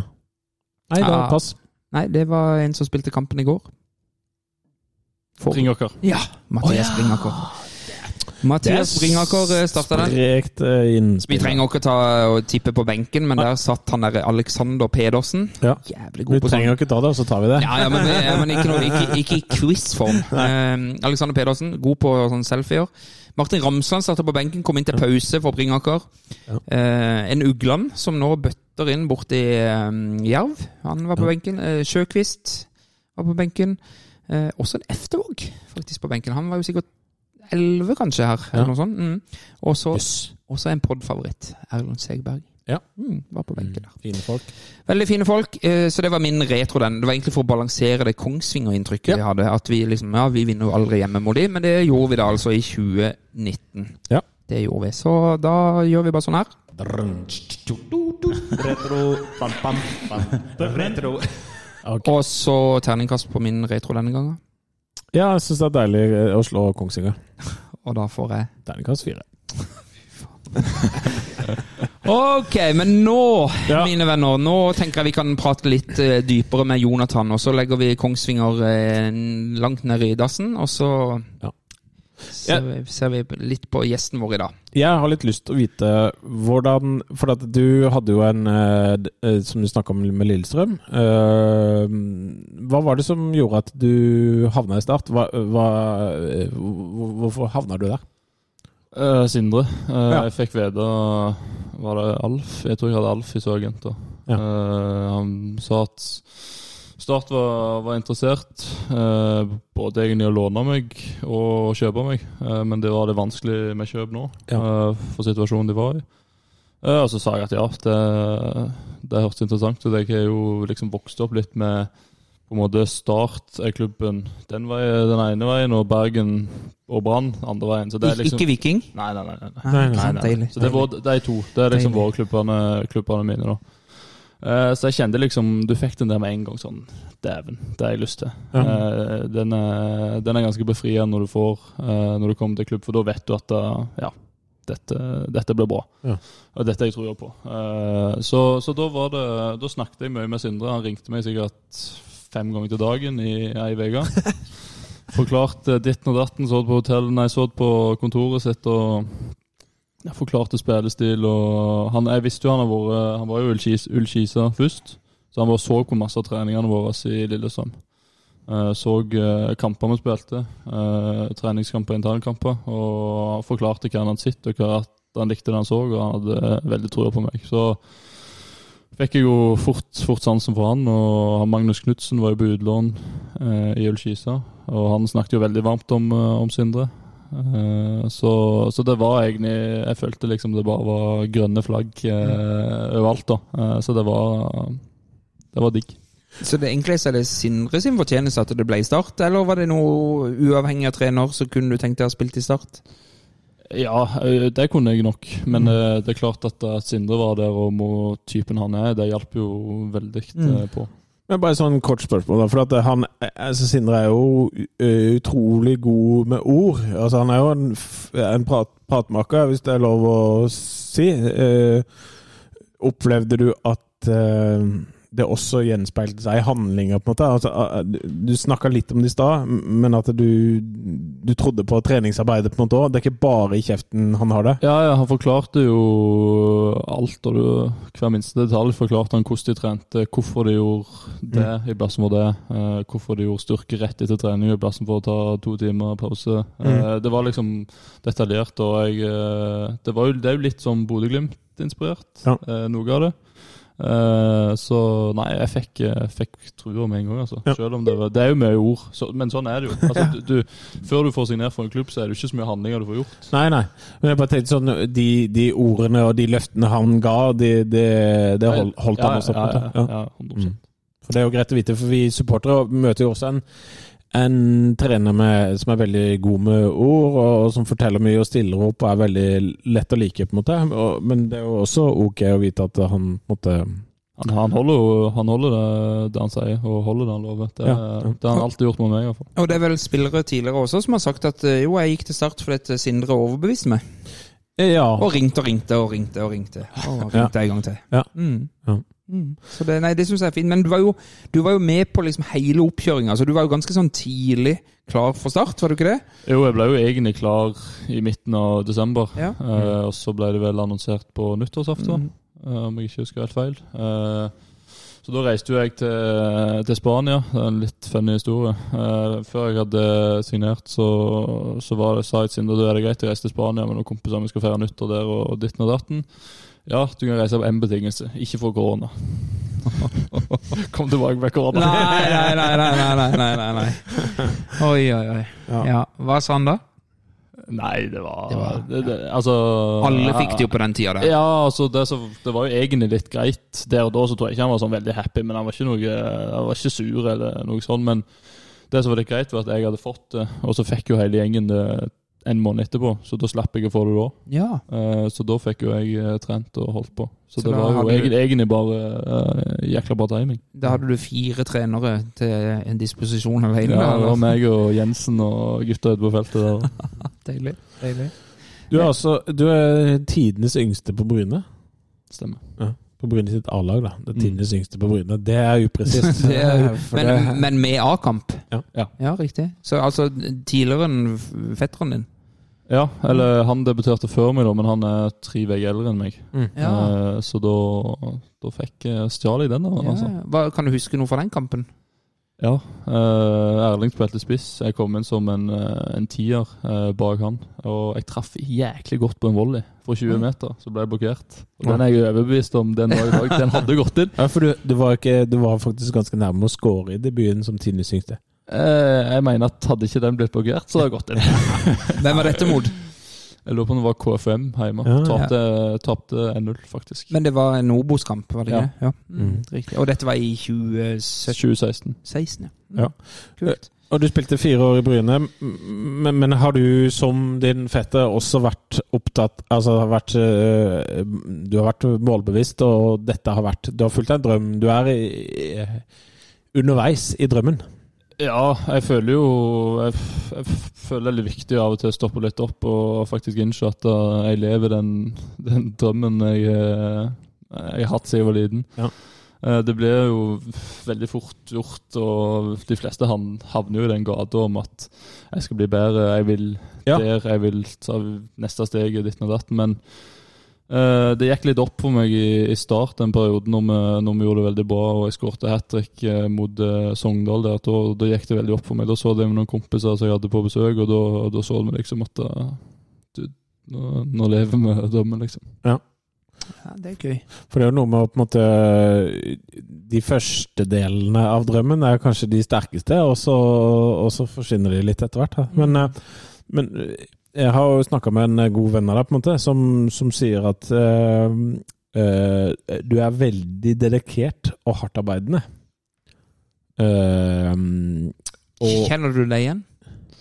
Ja, jeg vil Det er litt sånn Jeg har fått det inn siden jeg var liten av faren min at uh, hvis du først bestemme deg for noe, så må du, så må du gå inn for det, og så må du, må du fullføre det. Uh, ikke gjør ting halvveis. Uh, det har vært vært veldig på, uh, og han har alltid vist meg at hvis du skal, skal bli god, så må du, må du jobbe for det. For det er veldig mange andre millioner fotballspillere der som har lyst til å gjøre akkurat samme som som deg. Så du er målbevisst? Ja, det vil jeg eh, si. Ja. Men har du satt deg noen personlige mål for november, da? Og hvordan eh, går det med dem? Oi, oi, oi. Nå, Tønnesen du snakker ja, nå, har- nå har Benestad vært på jobb her. Nei, det går veldig fint med, med målene mine i, i november, altså. Og ikke så podkastvennlig spørsmål, Nei, men eh, så da lar vi den ligge, er det så? Ok. Riktig, riktig. Eh, Jonathan Braut Brunes, du har blitt 22 år nå. Eh, bare sånn kjapt søk på internett, så du har ingen U-kamper, landskamper? Nei, eh, det har jeg faktisk ikke. Altså li, ikke late bloomer, men litt late bloomer? Jeg vil jo si at uh, uten at det, Nå har ikke jeg vært noen landslagssjef, eller noe sånt, men jeg syns jeg hadde fortjent å få sjanse på landslaget når jeg debuterte i Obos-ligaen da jeg var, var 15 år. Det er ikke så veldig mange som gjør det. Uh, det. Det kan jeg stå for. Det, Da syns jeg at jeg hadde fortjent å fått, uh, fått prøvd meg på landslaget. Uh, så er det litt sånn at hvis du ikke blir tatt ut de første året eller to på landslaget, så er det veldig vanskelig å, å komme inn. Sånn, uh, sånn er det bare. Ja, så Uh, Hvis ikke du blir tatt ut på U15, så er det vanskelig å komme inn på U18 ja, etter hvert? Ja, det, Mm. det er jo det, det er litt sånn. Ja. Hvem, var det du Hvem er din årgangs liksom, spisskonkurrent? Nei, det som var Det er veldig få vet, egentlig, at jeg har spilt midtbane egentlig hele livet mitt. Ah, Eh, jeg ble vel spiss når jeg var 19. når du var i Florø? Ja, Mm. uh, og da spilte jeg egentlig mest tier da òg. Jeg spilte halvparten av kampene så hengende spiss slash tier, uh, og halvparten som spiss. Så ja. når jeg, ble, eh, eller når jeg gikk til Lillestrøm at jeg liksom egentlig ble, ble spiss. da. Men hva tenker du sjøl? Er det, det er spiss? Altså, nå er du jo spiss. Ja, nå, nå er jeg jo 22 år. Nå, nå må jeg jo ha funnet posisjonen min. Men eh, jeg, jeg tror jeg kunne spilt som en, eh, som en tier òg. Ja. Men jeg tror nok eh, den beste posisjonen min nå er, er spiss. Ja. Riktig. Ehm, videre, altså Da kommer du til start, får litt korona og sånn, og så, eh, og så har vi jo en utrolig bra sesongomkjøring. Og så er det en saying som man hører mye om, det er at eh, det er et, et veldig høyt tempo på starttrening. og eh, Stemmer det, på en måte? Er, er, ja. Ja, nei, det var nå, Det har jo sikkert er litt sammenheng med at jeg hadde hatt korona og vært ute med ditten og datten, men det var et helt sinnssykt tempo når vi dundra i gang på, på trening i januar-februar. der. Eh, jeg var, det var flere som lå langflate etter øktene, og vi hadde, vi hadde sinnssykt gode økter, rett og slett. Eh, vi pusha hverandre bra, og vi fikk en sånn skikkelig go uh, inn i å stå. Eh, og treningskampene, det viste seg jo i, i treningskampene, for da var, vi, da var vi jo fantastisk gode. Ja. Da hadde du troa på det du drev med, for, for da var du på en måte Da var, du, eh, da var jo startkarrieren din i gang, og du var på et lån, og det, det var allerede ganske tidlig i preseason snakk om å permanente overgang. Ja. Ja. Eh, jeg meldte meg jo litt ut av det, da. Eh, jeg hadde agenter som tok seg av det. For jeg eh, Mitt fokus var egentlig bare å, hjelpe Start så mye som mulig uansett. Jeg tenkte at uh, det beste jeg kan gjøre for Start, er å trene godt og pushe meg og de andre på, på trening. Uh, om jeg uh, hjelper ikke så mange andre med å gå og tenke på om jeg skal signere eller ikke. Det, det får de andre ta seg av. Og så og så følte jeg det gikk ganske bra i, i preseason, altså med å ja, holde fokus på, på det jeg får gjort noe Du hadde jo et sinnssykt mål Var det ikke mål Brann, da? Jo. Jo. Det var fett. Ja, det var fett. Ett minutt. Du skåra jo Ja. Altså, jo fra avspark i alle kampene i starten. Og da husker jeg, ja, men jeg husker at vi tenkte da at vi må skåre i løpet av de første fem minuttene. Ja. Eh, Helst med Jonathan. Ja. Så da blir det seier. Ja, for da vinner vi eh, Samme 1000-0. Åsane der i, i serieåpninga. Ja, det var helt sjukt, det der. Det var helt, men ja, men du og Sanyang hadde jo en veldig altså, Dere skrøt jo i en eller annen Feven-sak så skrøt dere et veldig godt samarbeid. Og så, og så forsvant jo Sanyang litt ut, da. Sånn at Ja, eh, han ble jo skada og drev jo på med faste og, ja, og litt Så sånn. fikk han jo korona òg. Så han har jo hatt en virkelig tøff sesong, da. Ja, han, jo, han var jo en av de aller aller beste spillerne i preseason, syns jeg. Ja. Uh, han var jo på trening, og du så at han var han var fresh, da. Og han er jo en Jeg syns han er en ganske fotballsmart uh, spiller. Uh, så det funka veldig godt, med han og Schulz på topp der. Eh, jeg følte vi utfylte hverandre eh, ganske bra. Men så Mhm. kom det inn en, eh, en svenske etter hvert òg, som Ja. viste seg å Mhm. være en, en av de aller beste jeg har spilt med. Det Er er, det sant? Jeg Fortell litt om Falenius, da. Han skal, han skal vi hente i vinter, skjønner du. Nei, han, Ja. han syns jeg var, var fantastisk god. Vi hadde jo, jeg tror vi hadde to eller tre treninger i dag før Åsane. Ja. Eh, og jeg, ja, eneste var Vi snakket litt om var- Jeg snakket litt om hvordan vi ville gjøre det i presset, og, og sånn, men offensivt så snakket vi ingenting i dag. Uh, Ja. og så kom vi til kamp og så bare tredde han gjennom baller Ja. og drog av folk. og Nei, det er en sånn fotballspiller du blir sånn forelska i, da, så Ja. er sikkert så fan av. Eh, veldig behagelige og, og digg å se på. da. Men, men det ble ikke noen sånn venner utafor eller noe sånt? Eller det var, Jo, jo. Ja, det Eh, gjorde ble det, det. Eh, Men det var kanskje ikke han jeg ble mest close med av alle, da. Vi kan jo bare ta det, da. Hvem er bestevennen din i Start? Er det Kristoffer? Det ser sånn ut ut fra mine, mine kontakter. Ja, ja. Så ser det ut som det er Tønnesen. iallfall, Ja. For du skulle bo sammen med han. Hvis du pleier ble ja. i Start. Ja, planen var jo at jeg skulle være i Start uh, ut året, og så skulle jeg flytte inn til Uh, Eh, Ja. det, jeg tror vi kunne kost oss i dag. Men nå er det jo Mark Ja, Mark. Jensen som bor der nå, da. Så Og det, er, det, er det i Grimstad, eller? Nei, det er i Det er i Kristiansand? Det er i Kristiansand. okay, ja. Nei, nei, jeg vet ikke. Mm. Nei, men ok, så, men, eh, så, så det er riktig. Kristoffer Tønnesen var på en måte han, din beste venn uh, utafor banen? Ja, eh, eller det startet egentlig eh, ganske sånn rolig. Uh, det I, startet egentlig med ingen venner de første to månedene, var det type Nei, nei, men meg og, meg og han var sånn Han kjørte alltid til Sørlandshallen. Og så så vi på sida hverandre nokså nærme hverandre i garderoben, så det var bare naturlig at han ja, skjedde på. Jeg så på med han. Og så husker jeg at plutselig så så vi en dag i jacuzzien liksom, i lag etter trening, og så tenkte jeg bare Helsike, så gode kompiser vi er plutselig. plutselig. Da så vi og snakket om livet og diskuterte all slags, liksom, og da var det plutselig gikk det opp for meg sånn herregud, her har vi jo øh, fått en skikkelig venn, liksom. Det kom litt sånn brått på, da. Men uh, han er jo Ja, jeg får ikke, jeg får ikke skryte nok av, øh, av han. Eh, han, er, han er vår viktig for, uh, for Start i år.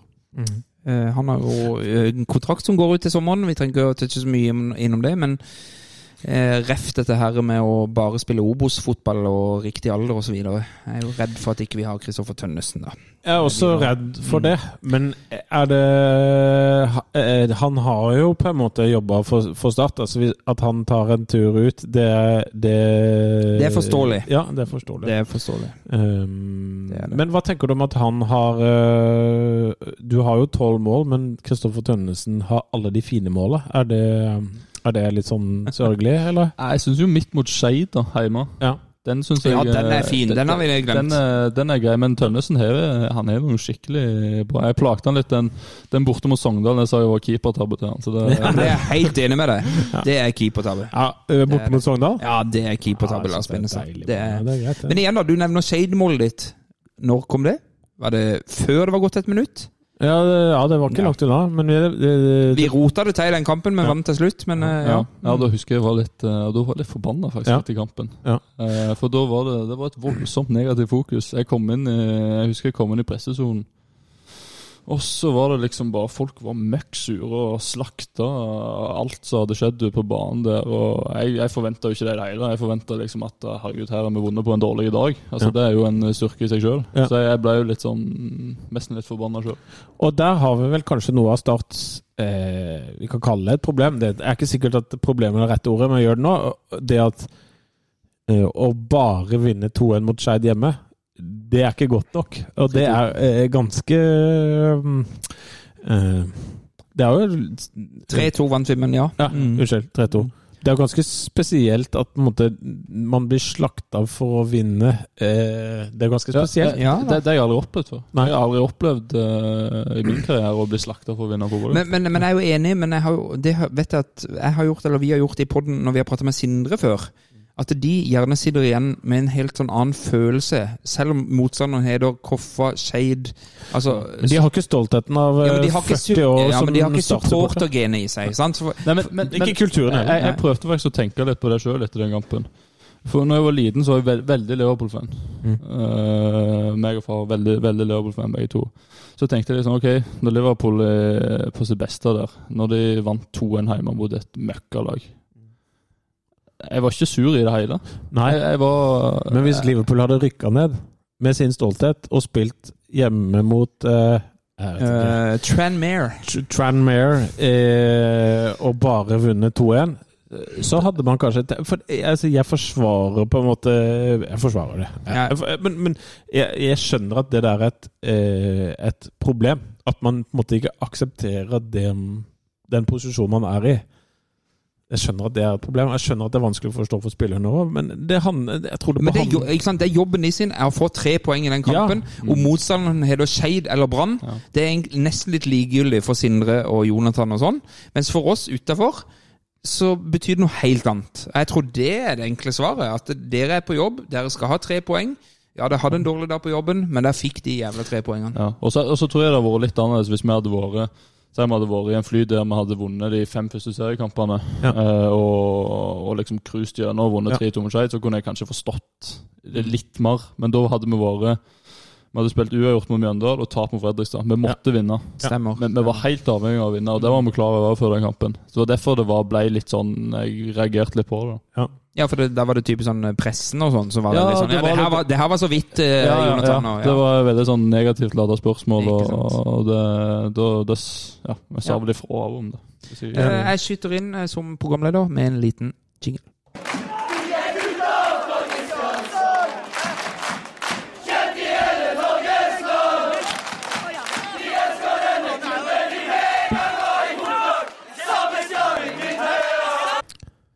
Yes, bra. Det ble en lang, lang pause her i, eh, ut på landet. Men det hører jo ikke lytterne at det var lang pause. Nei, men uh, hvis, hvis det nå ikke henger helt sammen det vi sa i stad, og nå, så er det fordi det var en lang pause.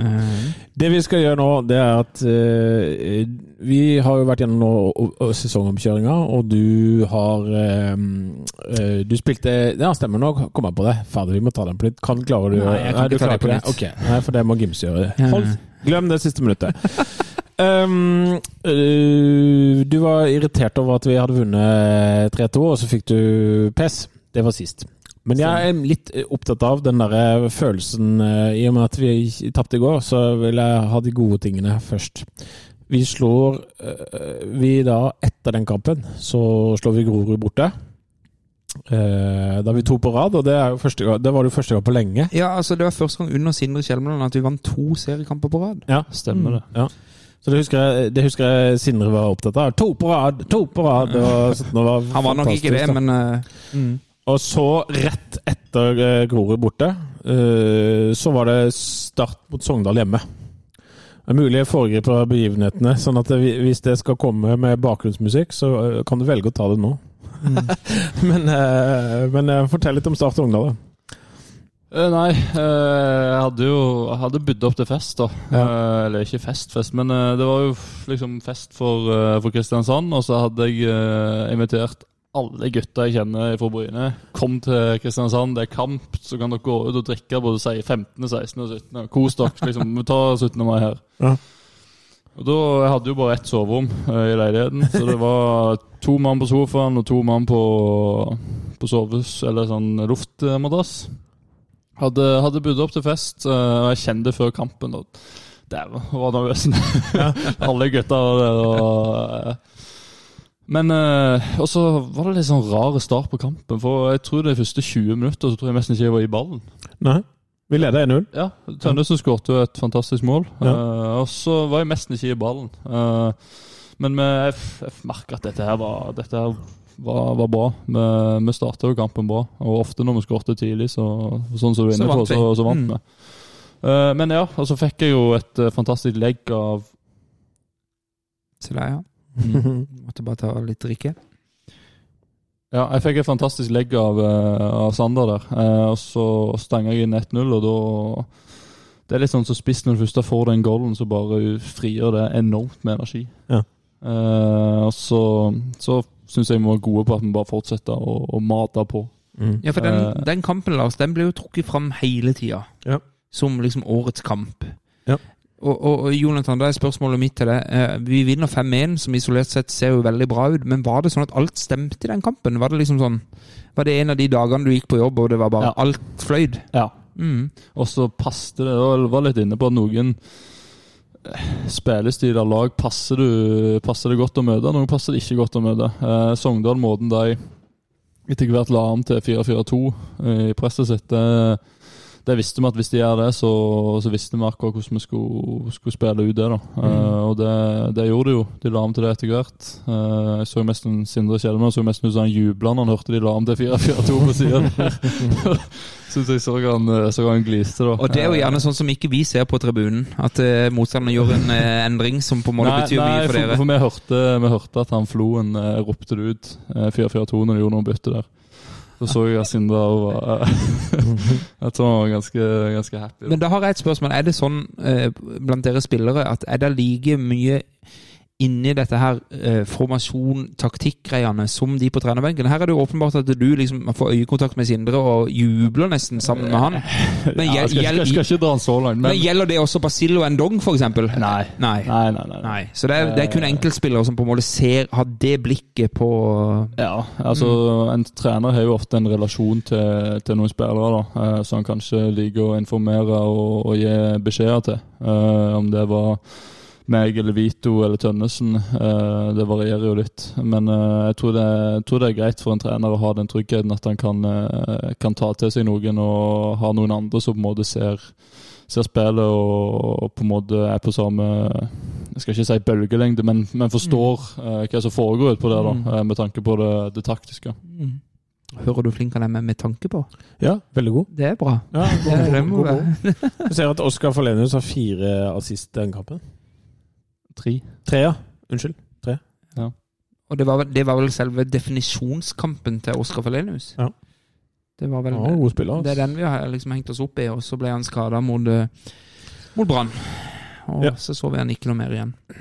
Men, eh, men eh, du, du var inne på det, Lars, at det, det er mulig vi forgriper et eller annet startminne Ja. her. At det kanskje henger sammen med, med, med den Sogndal-kampen. Det, det vet vi jo ikke, for å være helt ærlig. Så vi får, får vi bare. Ja, vi får vente og se. Så jeg tenker vi kan jo fint hoppe over det. Men jeg vil, jeg vil litt tilbake i tid. Jeg vil til første serierunde, Jonathan. Så møter vi Åsane borte.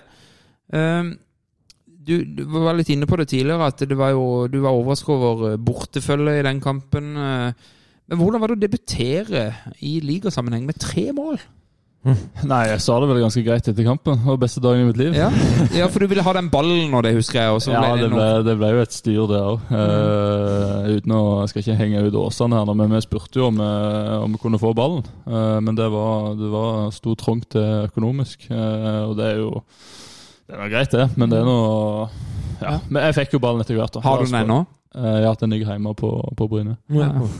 Eh, Tenk, tenk Jonathan og ballen på vei med toget fra Kristiansand bort til Bryne. På ungdomsbillett. Ja, på ungdomsbillett. men, men altså eh, Altså, visste du da at det var Altså, det var vinner 5-1 der. Fikk du noe inntrykk at eh, dette kommer ikke til å være normen denne sesongen? Eller var det sånn at dette her kommer vi til å kjøre gjennom? Eller tenkte du at vi er ikke helt ferdige, vi, Nei, men vi, vi er ustabile? Ja, altså, ja, altså, vi hadde vel akkurat kampen før det, så hadde vi vel slitt ganske kraftig hjemme mot Grorud. Ja, i treningskampen, Ja, ja. ja stemmer det? Jo, det stemmer det. Mm. Spilte 1-1 der. Ja. Eh, så vi var, vi var jo, eh, meg sjøl og mange andre tror jeg var ganske spente på hvor vi sto, da. Mm. Eh, for vi hadde, vi hadde variert en del i preseason. Det var jo fantastisk noen kamper. Så sleit vi litt mot Ulf og Grorud. Eh, og så plutselig var vi tilbake igjen da mot, mot Åsane. Men eh, jeg tror ikke jeg, jeg, tror vi hadde godt av, godt av den kampen. Altså, vi, har, vi prater jo ofte om en åpningskamp vi hadde i 2018. Det var da altså det var i Eliteserien hvor vi slo eh, Tromsø 4-1. Og det er jo flere som har bekreftet til oss at da var det, det var hallelujastemning, som vi sier eh, i Kristiansand. Eh, hvordan var serieåpning Åsane 5-1 borte? Var det sånn at Gikk det på vannet? Eller Nei, eh, er Sindre flink til å få deg ned og tenke Ja, det var han veldig, men eh, jeg fikk jo next action?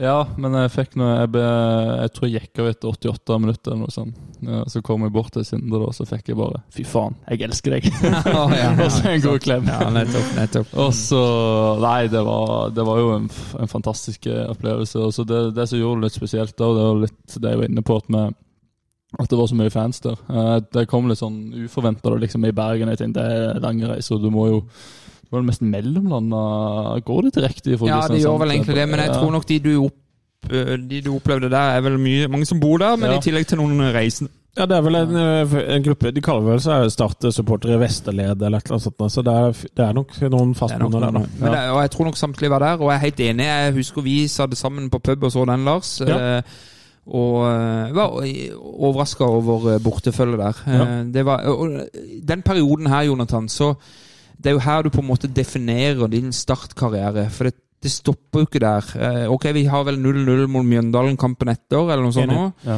Eh, en kamp som på en måte har hengt ved oss hele sesongen. Som en sånn her, eh, ja, Litt sånn som i går, egentlig. Hvor Ja. vi bare presser og presser og ikke får skåringer. Eh, men hvordan var det liksom å ha seks matcher og ni skåringer? Altså, jeg husker jo at jeg kunne bla to centimeter ned på VG nett, og du var, du var liksom i headinga. Det Det var, det, var, det var veldig mye i den perioden. Eh, det var Jeg husker plutselig jeg skulle inn dagen etter Åsane-kampen. Jeg skulle ha styrke.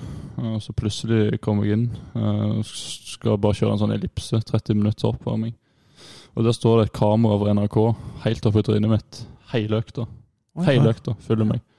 Shit. Uh, og det var, det var ikke jeg forberedt på. Da måtte jeg faktisk ta en liten runde med folka i media, da, for dette hadde ikke jeg fått beskjed om. Det var ikke avklart. Dette er ikke for å henge ut eh, start Nei, nei, men da, det, det var liksom litt sånn starten på det, da. Mm. Uh, så følte jeg at Start eh, etter hvert håndterte det ganske bra, eh, og prøvde Jeg snakket en del med Sindre om det, om å egentlig skjerme meg eh, mest mulig, for da var det, det var en del ja, som ville ta, ha intervju og alt det der, men med ja, jeg er litt stolt av meg sjøl, hvis jeg kan si det. at den perioden at jeg klarte å ha såpass bra fokus på å trene og ha såpass bra fokus på at laget skulle utvikle seg og ha gode treningsøkter. Men, men du er ikke en type som, som lar deg påvirke Altså, altså du er ung, Jonathan, og liksom noen digger den oppmerksomheten og liksom flyter litt på det, men, men der var du beinhard, og dette forstyrrer deg. Ja, eh, jeg snakket mye med Sindre om det, da. Eh, med, så alle vet, så har vi jo et åpent og fint forhold. Eh, så vi snakket mye om det, at dette kommer mest sannsynlig bare til å, å tappe mye energi. Eh, Jeg kommer ikke til å, å bli noe bedre fotballspiller av dette her.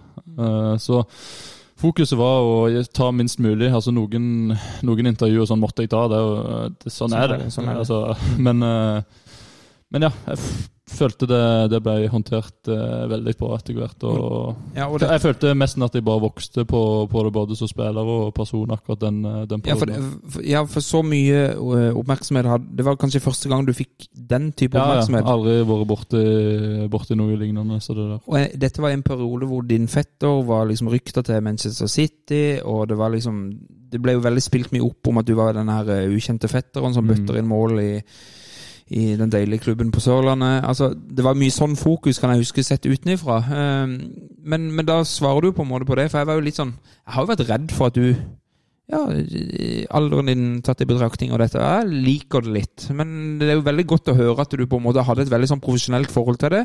Dette var forstyrrende, Sindre. Kan du få det vekk? Ja, ja eh, det, var, det var Altså, jeg prøvde å snakke mye med, med far min om det. Eh, han er flink på, på det området der. Uh, og ja, det, det hjalp meg veldig. Deilig. Jeg skal videre. Ja. Uh, for da var du superstjerne, og Fremdeles superstjerne. Absolutt. Han er jo vår, han er jo vår en slags sånn spion ute i, oppe i Eliteserien som bare er borte og ser åssen det ser ut i Eliteserien før han skal hjem igjen. Husk at vi skal ha tre kasser Pepsi Max med Jo- Joakim Holta nå etter hvert. Ja. Ja, så vi kan jo mm. Men eh, for kampen etter den Sogndal-kampen er jo eh, hva vi supportere har valgt å kalle eh, den store, det store skiftet, da. For da leda vi 2-0 mot eh, Ranheim. Mm. Eh, du skåret begge måla.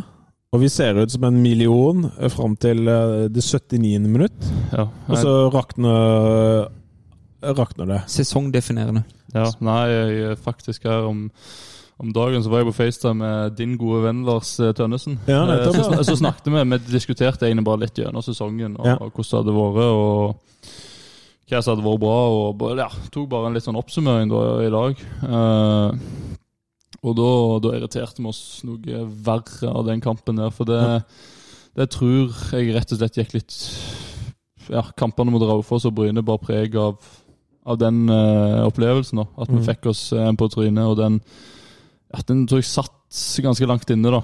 eh, dessverre. Men da, øh, da er jo det naturlige spørsmålet hvorfor det? Altså, hvorfor 2-2 borte mot øh, Ranheim er jo isolert sett ikke så dårlig. Nei, dere, det- dere var jo gode i, i 78 minutter, og så får dere den i trynet. Hvorfor klarer dere ikke å, å, å reise det, dere igjen? Hva er, det, hva er det dere snakker om? Nei, men Det føles vel som et 0-3-tap. Ja, det, det var Ja litt det er akkurat den. Altså, du føler, Vi følte jo som vi hadde blitt pissa på og tapt eh, i garderoben. Og jeg husker folk så der og var og, nesten litt sånn sjokka. eh, for vi følte vi hadde virkelig Vi hadde den kampen. Mm. og ja. Husker du bassefar der? Ja, ja, På den altså, 2-0. eh, Det er jo helt vilt. eh, vi hadde jo øh, Lars Jørgen Salvesen sammen med oss. og Ja, den og så kampen, ja. Ja. Mm. skulle ha podkast med han etterpå, og, og vi satt der jo og, og eh, diskuterte Eliteserien og hvor gøy det blir og sånn, og, og endte opp med 2-2. Og, så- og så går vi da på tap mot Bryne. Eh, Nei, jo, eh, spiller uavgjort mot Raufoss. Nei, 2-2. 2-2, ja. Mm. Og så taper vi mot Bryne, og så spiller vi 0-0 mot Stabæk, og så taper vi mot Kongsvinger. Og så vinner vi til slutt eh, Da vil jeg skyte inn nå, For dette, det er mitt sesongdefinert. Altså, jeg sier Ranheim. Jeg var til stede på Raufoss. Eller eh, Raufoss-kampen hjemme, 2-2. Husker jeg han, eh, han Johnsen, eller han treneren, sa etterpå at Start var sykt eh, forutsigbare. Det virker som at man bare hadde én måte å angripe på. Altså Det var litt av det vi så kanskje mot Kongsvinger i går. Det var Tønnesen og kantene som bare slo inn. Litt sånn på gefühlen. Hvordan opplevde du den perioden der? Gikk det litt fast? Ja, altså Varierte det for lite? Var det der Det- man på en måte så Sindre sin kanskje manglende erfaring? Nei, jeg vil ikke si det, det var på Sindre. For Sindre hele tida gitt oss løsninger på hvordan vi skal løse problemer som oppstår. Eh, Det har vi alltid hatt klart framfor oss. Så er det opp, opp til oss å ha nok kvalitet til å løse det. Men jeg følte Hvis jeg kan ta preseason igjen som eksempel, da, eh, så hadde vi alltid et var vi flinke til å reagere ut ifra hva motstanderlaget gjorde. Eh, Gikk de mann-mann på, så var vi veldig flinke på å slå ballen opp i kropp på meg. eh, Som igjen gjorde at vi kom ofte tre mot tre. og og så videre. Så vi var ja, litt sånn som Bodø-Glimt jeg syns er ekstremt flinke på nå. Ja, til å variere og ja, sånn? rett og slett variere og se hvis, hvis en indreløper bryter ut, så hvor oppstår rommet da? Hvis en stopper, sidestopper bryter ut, hvor oppstår rommet da? Uh, det var vi ekstremt flinke på i preseason, og det, jeg tror kanskje det er der vi gikk oss bitte litt fast i, i den perioden der. Eh, vi var ikke like skarpe på det området.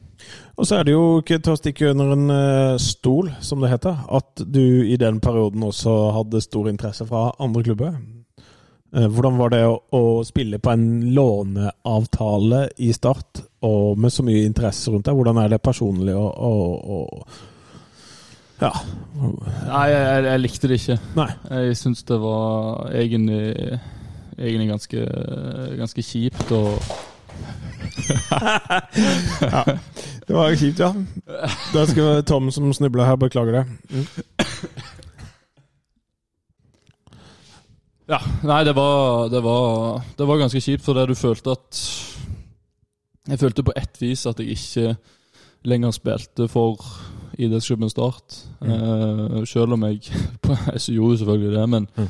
jeg følte på et område at jeg spilte for andre klubber. Eh, og det, det lærte jeg litt av. at da, ja, jeg, Da fikk jeg beskjed om alle klubber som var interessert, og, og alle klubber som så på og sånn. og det har jeg funnet ut at det, det, jeg tror det er lettere å ikke, ikke ha den informasjonen eh, tilgjengelig, og heller få vite hvis det er noe konkret eller bud inne.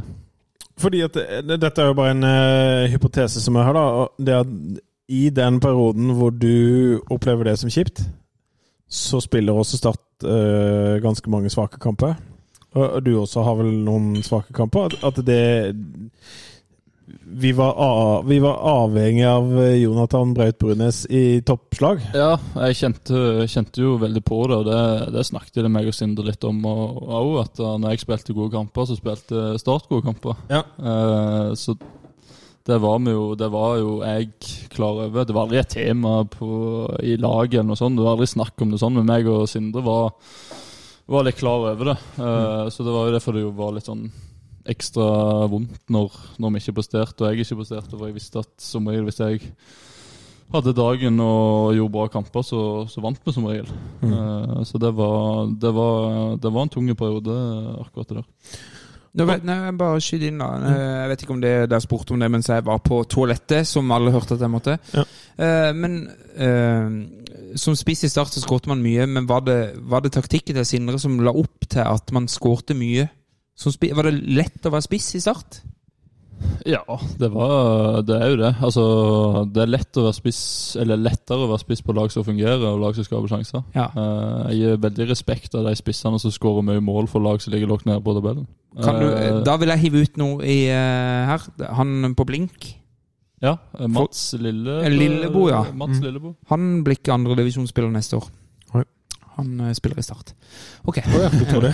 Ja, ja, vi må ha spiss. Ja. Vi må ha spiss. Mm. Nei, men eh, ok, eh, Jonathan. Så det, et, vi skapte mye sjanser i, i din periode i Start. Så det var enkelt å være spiss i, på den tida. Ja, enkelt og enkelt. Så, Nei. det er så, så klart en, en enorm jobb som ligger, som ligger bak det. Men så spiss når du kommer i flytsonen og, og har sjøltillit, og Mm. laget skaper sjanser, så, så ligger jo veldig mye til rette. Hvordan var ditt forhold til de som ikke spilte spiss i Start? Altså de som var eh, nummer to og tre i rekka? Sander Svela?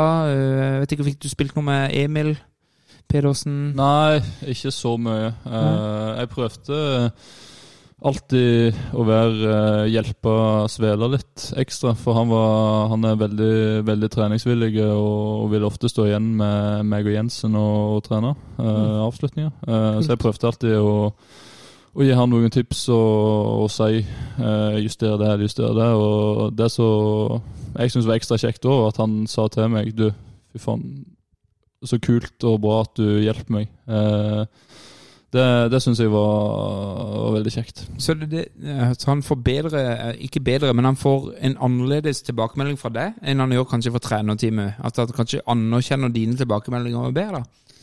Ja, det er jo litt annerledes å få Altså, du får jo beskjed Altså, tilbakemelding fra trenere konstant. Mm. Eh, så jeg tror det kan være sunt av og til å få, få, få spillere også faktisk er ute på banen der og, og føle, på, føle på hvordan ting er. Er Sander Svela litt typen som Jonathan? Sånn spillmessig, spillemessig, Lars? Eh, vet ikke. Jeg bare, eh, som pedagog, eh, nikker anerkjennende til det Jonathan nettopp har sagt. Ja, ja. Så hvis eh, langtidsskaden tar deg, så vet du hvilket yrke Men du skal velge. altså jeg kjenner ikke Sander Svela godt nok, men er ikke han også en ganske sånn robust, ganske sterk type? Jo, øh, absolutt. Eh, han er veldig god avslutningsferdighet, Mm. det må jeg si. Vi sto og vi sto og terpa en del i dag, og jeg ble, jeg ble ganske imponert over, over det. Eh, Mm. Så må han jobbe med kanskje de andre til, tinga i spillet sitt, som å være på i de rette posisjonene. Eh, Mm. Men eh, ja, eh, et bra potensial og absolutt god avslutningsverdigheter. Bra. Eh, da satser vi på at det blir bra. Det nærmer seg midts, midts, midtsommers, eh, som det heter. Når eh, kommer Strømsgodset på banen? Nei, uh, si det. Uh, For det du spilte din siste kamp 24. juli. Ja, mot Mjøndalen. Ja. Da visste jeg ingenting om, uh, om Strømsgodset. Nei, for da var det mange andre klubber i, i omløp mot det fortsatt. Ja, uh, jeg visste jo om en del klubber som hadde vært og, og, og scouta meg uh, før det. Mm. Men nei, da, da ble det jo Den perioden bar egentlig preg av at jeg sleit voldig med en, en ankel. Mm. Jeg var vel ute mot Kongsvinger Mm. på benken mot Stabæk. Jeg hadde ganske, ganske bra med smerter den perioden. Eh, så det bar egentlig preg av at jeg var skada og ikke kom klarte å prestere på det nivået jeg, jeg ville prestere på. Og det, ja, jeg var, ikke- jeg var, ja, jeg var ikke god nok den Men, men for den veldig mange Start-fans så er jo det sånn før og etter med Jonathan. Mm. Sant? Før skaden, etter skaden. Mm. For da hadde du øh, Var det tolv mål på ni kamper? Eller ti, elleve, elleve? på ni, Og så skårte du ett på de siste seks. Ja. Sleit du med å liksom komme i gang igjen? Var, var, det, var det perioden Start var inni som gjorde at det var vanskelig å skåre når du kom tilbake, eller hang Nei, det- skaden igjen? eller? det, det var, jeg tror det var mest med skaden. For uh, det var jo fem kamper der jeg ikke kunne avslutte med høyrefoten. Ja, ok. Ah, shit. Så det var jo jeg, Ja, ballen måtte på venstrefoten. Ja, eh, eller hodet. Mm. Eh, og det var, jo, det var jo krevende, for selvfølgelig jeg har lyst til å, å prestere, men, og jeg ser at folk er irriterte over at jeg ikke presterer og ikke skårer mål. Uh, men samtidig så, så trente jeg ofte seks-sju timer til dagen. Uh, Og hadde privatøkter med fysiske trenere og PT-er for å få ankelen bra. og jeg jeg har sagt det før, men da han Pep i Start Fysio han jobbet jo seks-sju timer hver dag bare med ankelen min, liksom. Han, eh, behandling og for å få meg friske. Ja, jeg, møtte en gang en som eh, drev med et sånt doktorgradsprosjekt i- på Olympiatøpen og skrøt mye av Pep at han var veldig interessert i nyere forskning og, og, og var oppdatert på greiene. Så han, virker å være en eh, moderne kis. Ja, han er veldig flinke. Eh, Hardtarbeidende fyr som kommer tidlig inn og godt humør. og altså Selve typen Pep eh, er viktig for Start, og veldig kunnskapsrik selv om han, han liker å diskutere med folk. Og, og det, det, det tror jeg er sunt å ha eh, i et, en sånn en, et sånn et miljø. da, At Ja. folk er nysgjerrige og det er åpent for å ta diskusjoner på, på hva som er rett og galt eh, til enhver tid. Norges deiligste klubb, Norges beste fysio. Ja, ok. Mm. Bra. Eh, Da er du en heide der, eh, Eh, i- Rett før, du, rett før du blir ferdig med startkarrieren din, så um, og I og med at vi er på sommeren, da, så lurte jeg på En sein sommerkveld denne sommeren, så måtte du plutselig gjemme deg bak en stol uh, midt i stua. Eh, hva- hva er grunnen til det? I, I fullstendig redsel så måtte du gjemme deg bak en stol i sommer. Kristoffer Tønnesen. Ja. Han, eh, Jeg vet ikke om det er Kristoffer Tønnesen, det er umulig å vite. Jeg har bare fått et uh, anonymt brev. Nei, Kristoffer Tønnesen eh, han, skal, han skal få igjen for dette greiene nå, altså. Nei, det var, det var bare ei, ei komiske greie egentlig, eh, mellom meg og Tønnesen. Jeg tror ikke jeg skal, jeg tror ikke jeg skal gå inn på hva det var. Okay, Og vi spurte Jonathan før sending er det noe vi ikke skal prate om, og dette burde han sikkert ha sagt. Jeg Ja, burde ha sagt Mm. ikke den november og ikke den stolen, så da vet vi det. Ikke blande de to. Men da vil jeg være han som kommer inn og sier du hadde et halvt år i Kristiansand, Jonathan. Hvordan var det å bo i Kristiansand? Verdens deiligste by. Mm. Det, det har jeg sagt før òg. Sånn 100 eh, Den byen er klasse. Vi hadde Kristoffer Eier som gjest her for et par episoder siden. Han sa at, eh, når han, at han var noen år yngre enn deg, men når han var på det heiteste i start, så gikk han og stilte seg utafor Palmesus. Bare for å liksom kjenne på det. Palmesus var kjekt. Ja, ikke sant? Ja, nettopp. Jeg har sett noen nettopp. bilder derfra. Ja, nettopp. Så, så du har vært innom der. Ja, greit. Ja, det var litt kjipt, da, for vi fikk jo ikke, vi fikk jo ikke kost oss med noen eh, øl eller noen ting og måtte tidlig i seng. Eh, Men eh, Ja, for det var midt i en kampperiode, det. vi hadde kamp på mandagen, tror jeg. Mm. Eh, Så det var, jo- ble jo ingenting, ingenting alkohol og tidlig til seng, men det var jo det var kjekt å være der, og da fikk jeg liksom feelingen på ja, fancy start og hvor mye det faktisk betyr. da, og det var det var kjekt å treffe folk som var glad for å se meg, da. Mm. det var mange andre som var glad Tønnesen, Emir, eh, mange andre sa òg. Du så gleden i øynene på, på folka når de, når de så oss, og det, det syns jeg var veldig kult. Hvem hadde fått sitt tredje gule kort med vilje i kampen før? Var det noen? Nei, jeg vet ikke. Jeg spør det. Er ikke det så Ja, Bernt Ulskade, kanskje. Det er helt riktig.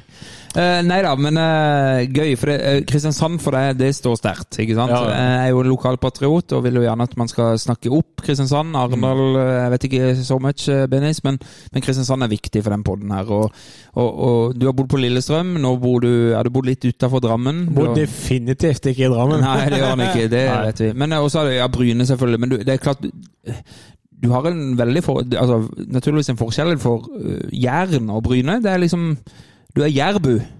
Ja. Eh, 100 Ja, ja. Mm. Det er jeg. ja og, ja, og stolt av det, naturligvis. Ja, ja, ja. Ja. Det, jeg, eh, du må være stolt for der du er ifra. Ikke sant? Eh, Akkurat som jeg er nå. Mm. Ja. Det, det, det tror jeg, eh, uten, uten å kødde, det, Men- er men- viktig. Ja. Jeg tenkte jeg bare av, avbryte lokale ja. Nei, for jeg har et, okay, jeg har et et litt relevant spørsmål òg. Okay, Et siste. Uh, et siste, faktisk. Uh, uh, du sier at ja, du, altså, du må gjerne komme tilbake til Start og disse greiene her. Er det da er det kombinasjonen Start som klubb og by?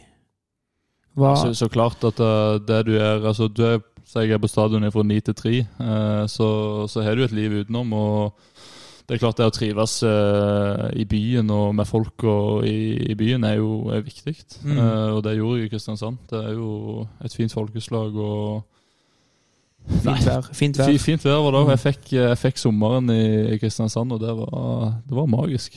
Du skjønner det, Lars, at jeg, jeg trenger dette på en dag som denne. Ja da, jeg skjønner, Skjønner du? Ja, jeg skjønner. Jeg skjønner Jeg også trenger det, men jeg tenker at vi snart skal begynne å si at uh, Nok er nok. nok er nok. okay. uh, for vi har et par ting til vi skal gjennom. Så, Ja. så uh, Kjør. bare- Fordi um, Lars Jørgen Salvesen fortalte oss i episoden etter Ranheim-kampen så fortalte han oss at det er stor forskjell å spille i Strømsgodset i Start i hva det gjelder eh, interesse fra media osv.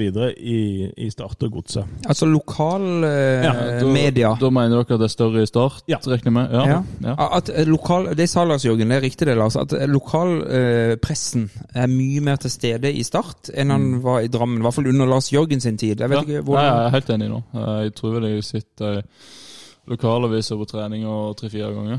Ja, ikke sant. Eh, og- Shayan er der hver dag, liksom. Skeian er, han er på jobb.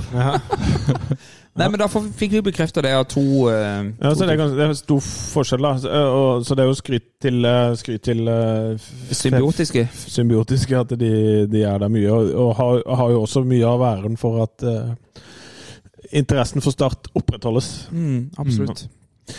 Eh, jeg tenker at vi skal uh, snart begynne å nærme oss slutten, fordi at nå er du nemlig blitt Strømsgodset-spiller, og da, da forsvinner uh, relevansen. Men uh, vi må snakke litt om framtidsdrømmene dine. Eh, du har jo allerede sagt at drømmen din er å, å komme tilbake til Start, men, men hva er liksom karrieredrømmene dine?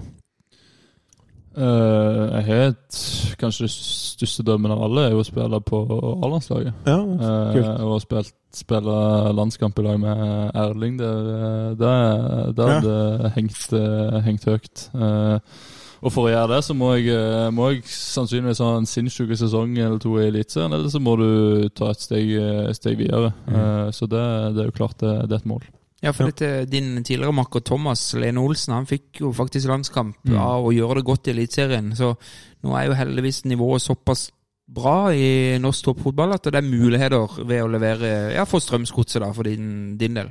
Ja, mm. det, det er litt kult. Jeg syns det er litt kult med, med Ståle at han tar ut og belønner de som gjør det bra i Eliteserien. Så Hugo Vetlesen ble tatt ut nå. Eh, Sivert Mannsverk ble vel tatt opp Ja. i lag med Mats Hedenstad. Mm. så det, det syns jeg er kult, og det Ja, jeg syns det skal være sånn. Daglig leder i Start vil jo gjerne ha Jasper Silva Torkelsen på landslaget, og mener at han ikke står noe tilbake for eh, de andre keeperne som ble tatt ut i forrige landslagstropp. Eh, hva er ditt kjennskap til Jasper? Altså, Hvordan opplevde du han som ung, talentfull keeper? Eh, veldig sprutt glad, jordnær type. Eh, jeg husker en av de første treningene, så sto han jo, og så hadde jeg noen skudd, så jeg ja, tenkte det, Du tar faen ikke det, det! og, og der lå han jo og spratla og tok de. Eh, så han er jo helt enormt god på strek. Eh, det han må fortsette å jobbe med, er jo eh, beina. Eh, det er jo litt sånn i den uh, spillestilens indre her at du må være ekstremt eh, god med beina. og det jeg tror det er veldig fint at Mark er der, eh, for han har jo sin eh, absolutt styrke i å være flinke med beina. Eh, Så at de to kan lære mye av hverandre, tror jeg er bra. Mm. Så det, det tror jeg er et bra team. Bra.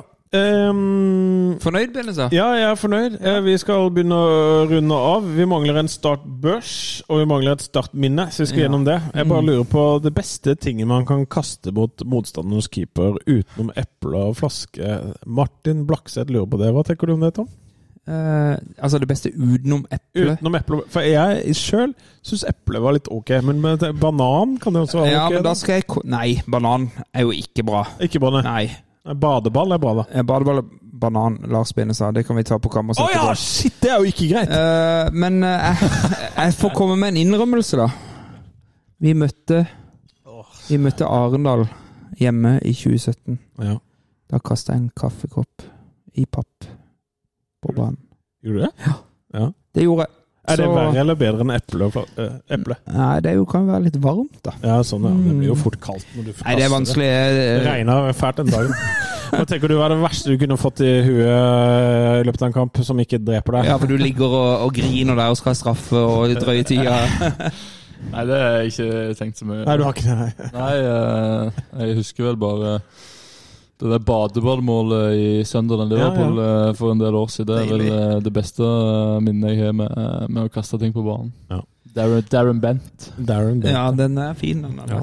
Ja. du burde være for ung til å huske den. Og så tenker jeg at vi sier det sånn at vi har fått masse, eh, masse lytterspørsmål. Jeg tror vi har vært innom de fleste lytterspørsmål i en eller annen form. Helt riktig, men jeg har et spørsmål jeg vil utfordre Ja. Jonathan på. Og det går på Det er faktisk spørsmål fra Alt om Obos-ligaen på Twitter. Okay. Han spør Vito på benken mot Kiel. Ja. Er han å satse på? Da bare smiler du, og så vil du ikke Eller hva? Nei, nei, nei, nei, det var bare rart det. jeg skulle få få Jo, jo, men jeg vil, jeg vil høre med det. Ja, nei, Vito er jo en uh, Hvordan opplevde du Vito? ikke sant? leder.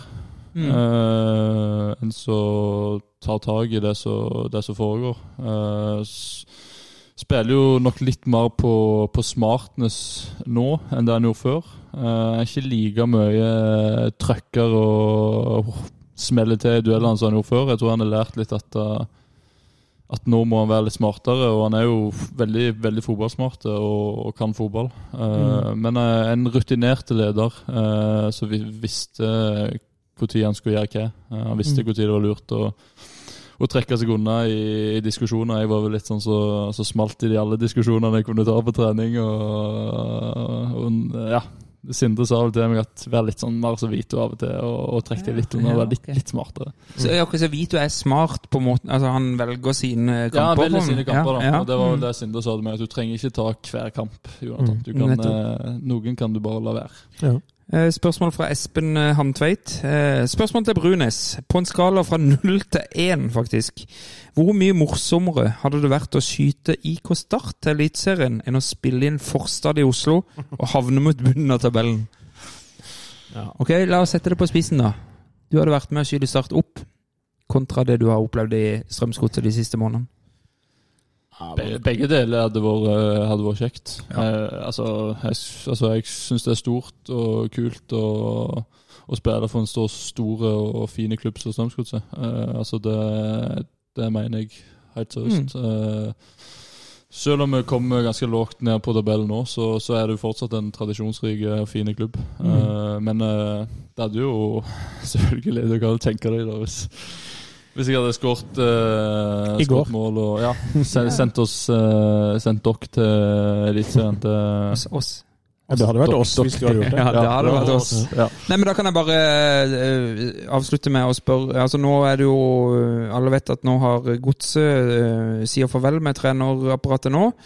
Eh, nå skal ikke jeg få deg til å komme med ønsketrener inn, men hva slags type trener er det du eh, ønsker? Altså hva slags type trener?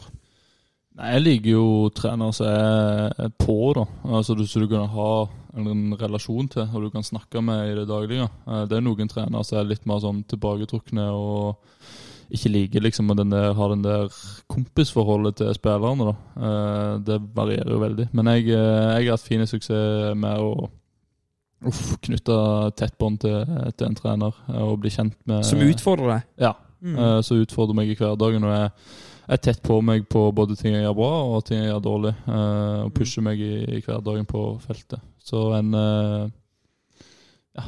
En uh, Sindre-type Sindre Kjelmeland-type hadde, hadde jeg ikke sagt nei til. Hvis Sindre er trener om 15 år i start, så kommer i hvert fall Jonathan tilbake, Lars.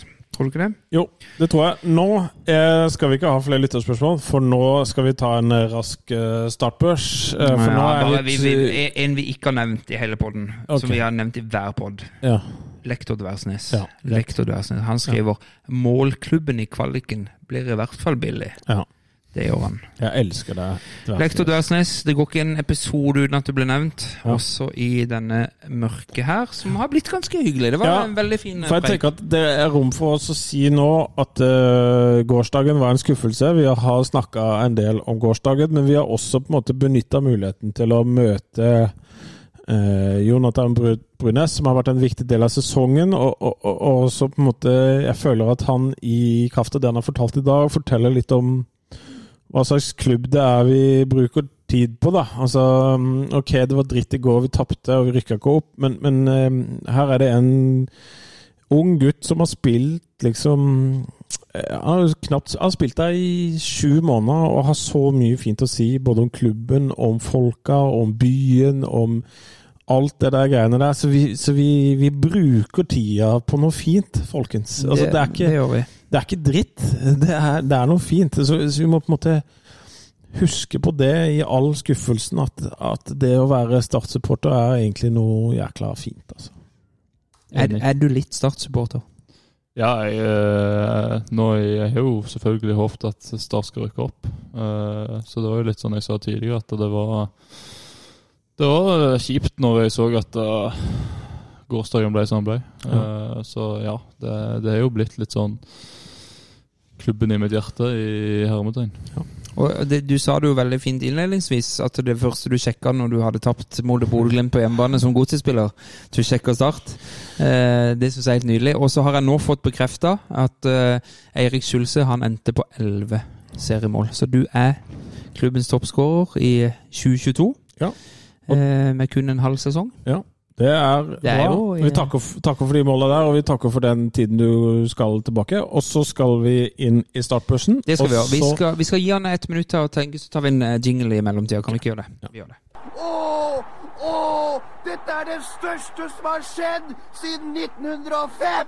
1905? Nei, da ble jo Start stifta. Det var jo mye gøyere. Da tenker jeg vi kan ta noe startbørs, eh, Benestad. Ja. Den er jeg spent på. Den Gimse først. Gimse, Gimse, ja. Har han sendt? Ja, Gimse er Altså, han er mørk, mørk for tida. Han er på startbørs. Han var åtte sist, og nå har han gått ned seks. Jeg tipper til én Nei, til Nei, to. Ja. Enda et år i Obos, for for å sitere Matta. Jeg har lyst til å grine. Eneren sparer han til et nedrykk. Så han er på to. Han er på to, ja. Du, da?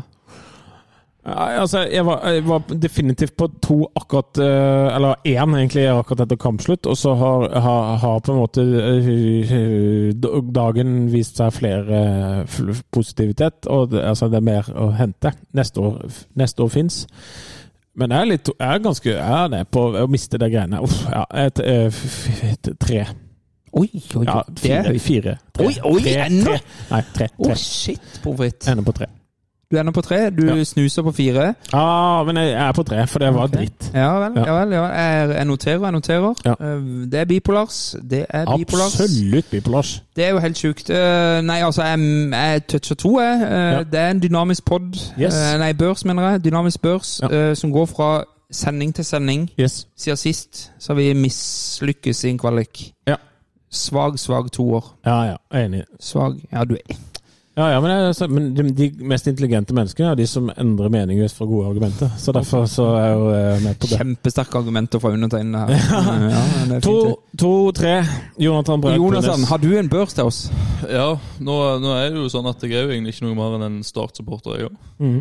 Jeg er jo så dokk, Ja. Eh, så jeg må jo få lov å være ærlig, jeg òg. Jeg er på en, eh, en firer. Ja. Eh, jeg, grunnen til at jeg ikke er helt nede eh, på to, eh, det er fordi at eh, jeg har sjukt trua på det Sindre og det trenerteamet driver på med. Eh, Så hvis de får fortsette den progresjonen de har hatt, eh, så tror jeg de spiller i Eliteserien 2024.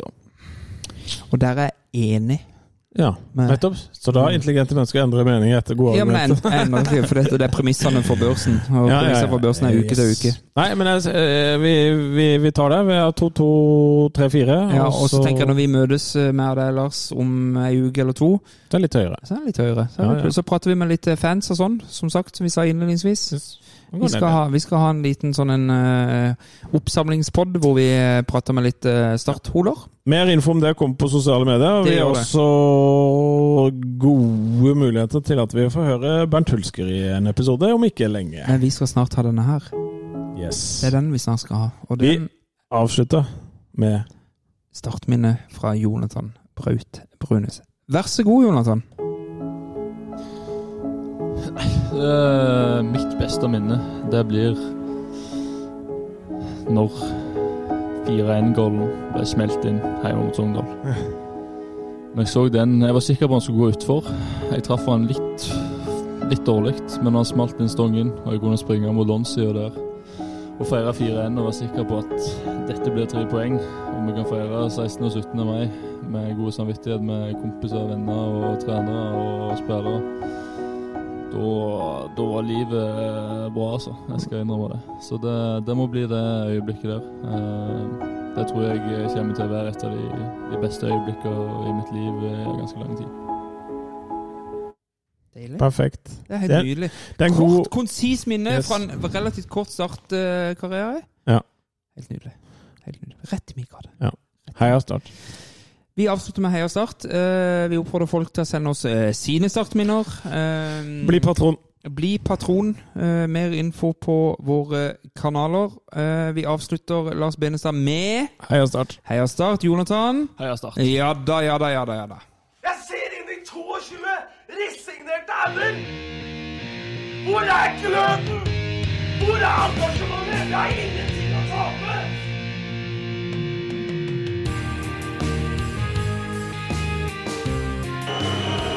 Ja, forlenges tid på Martin Ramsland. Skal du sette etter? Og så gjør han det! Martin Ramsland! Har du sett? Han kommer til å bli større enn Jesus!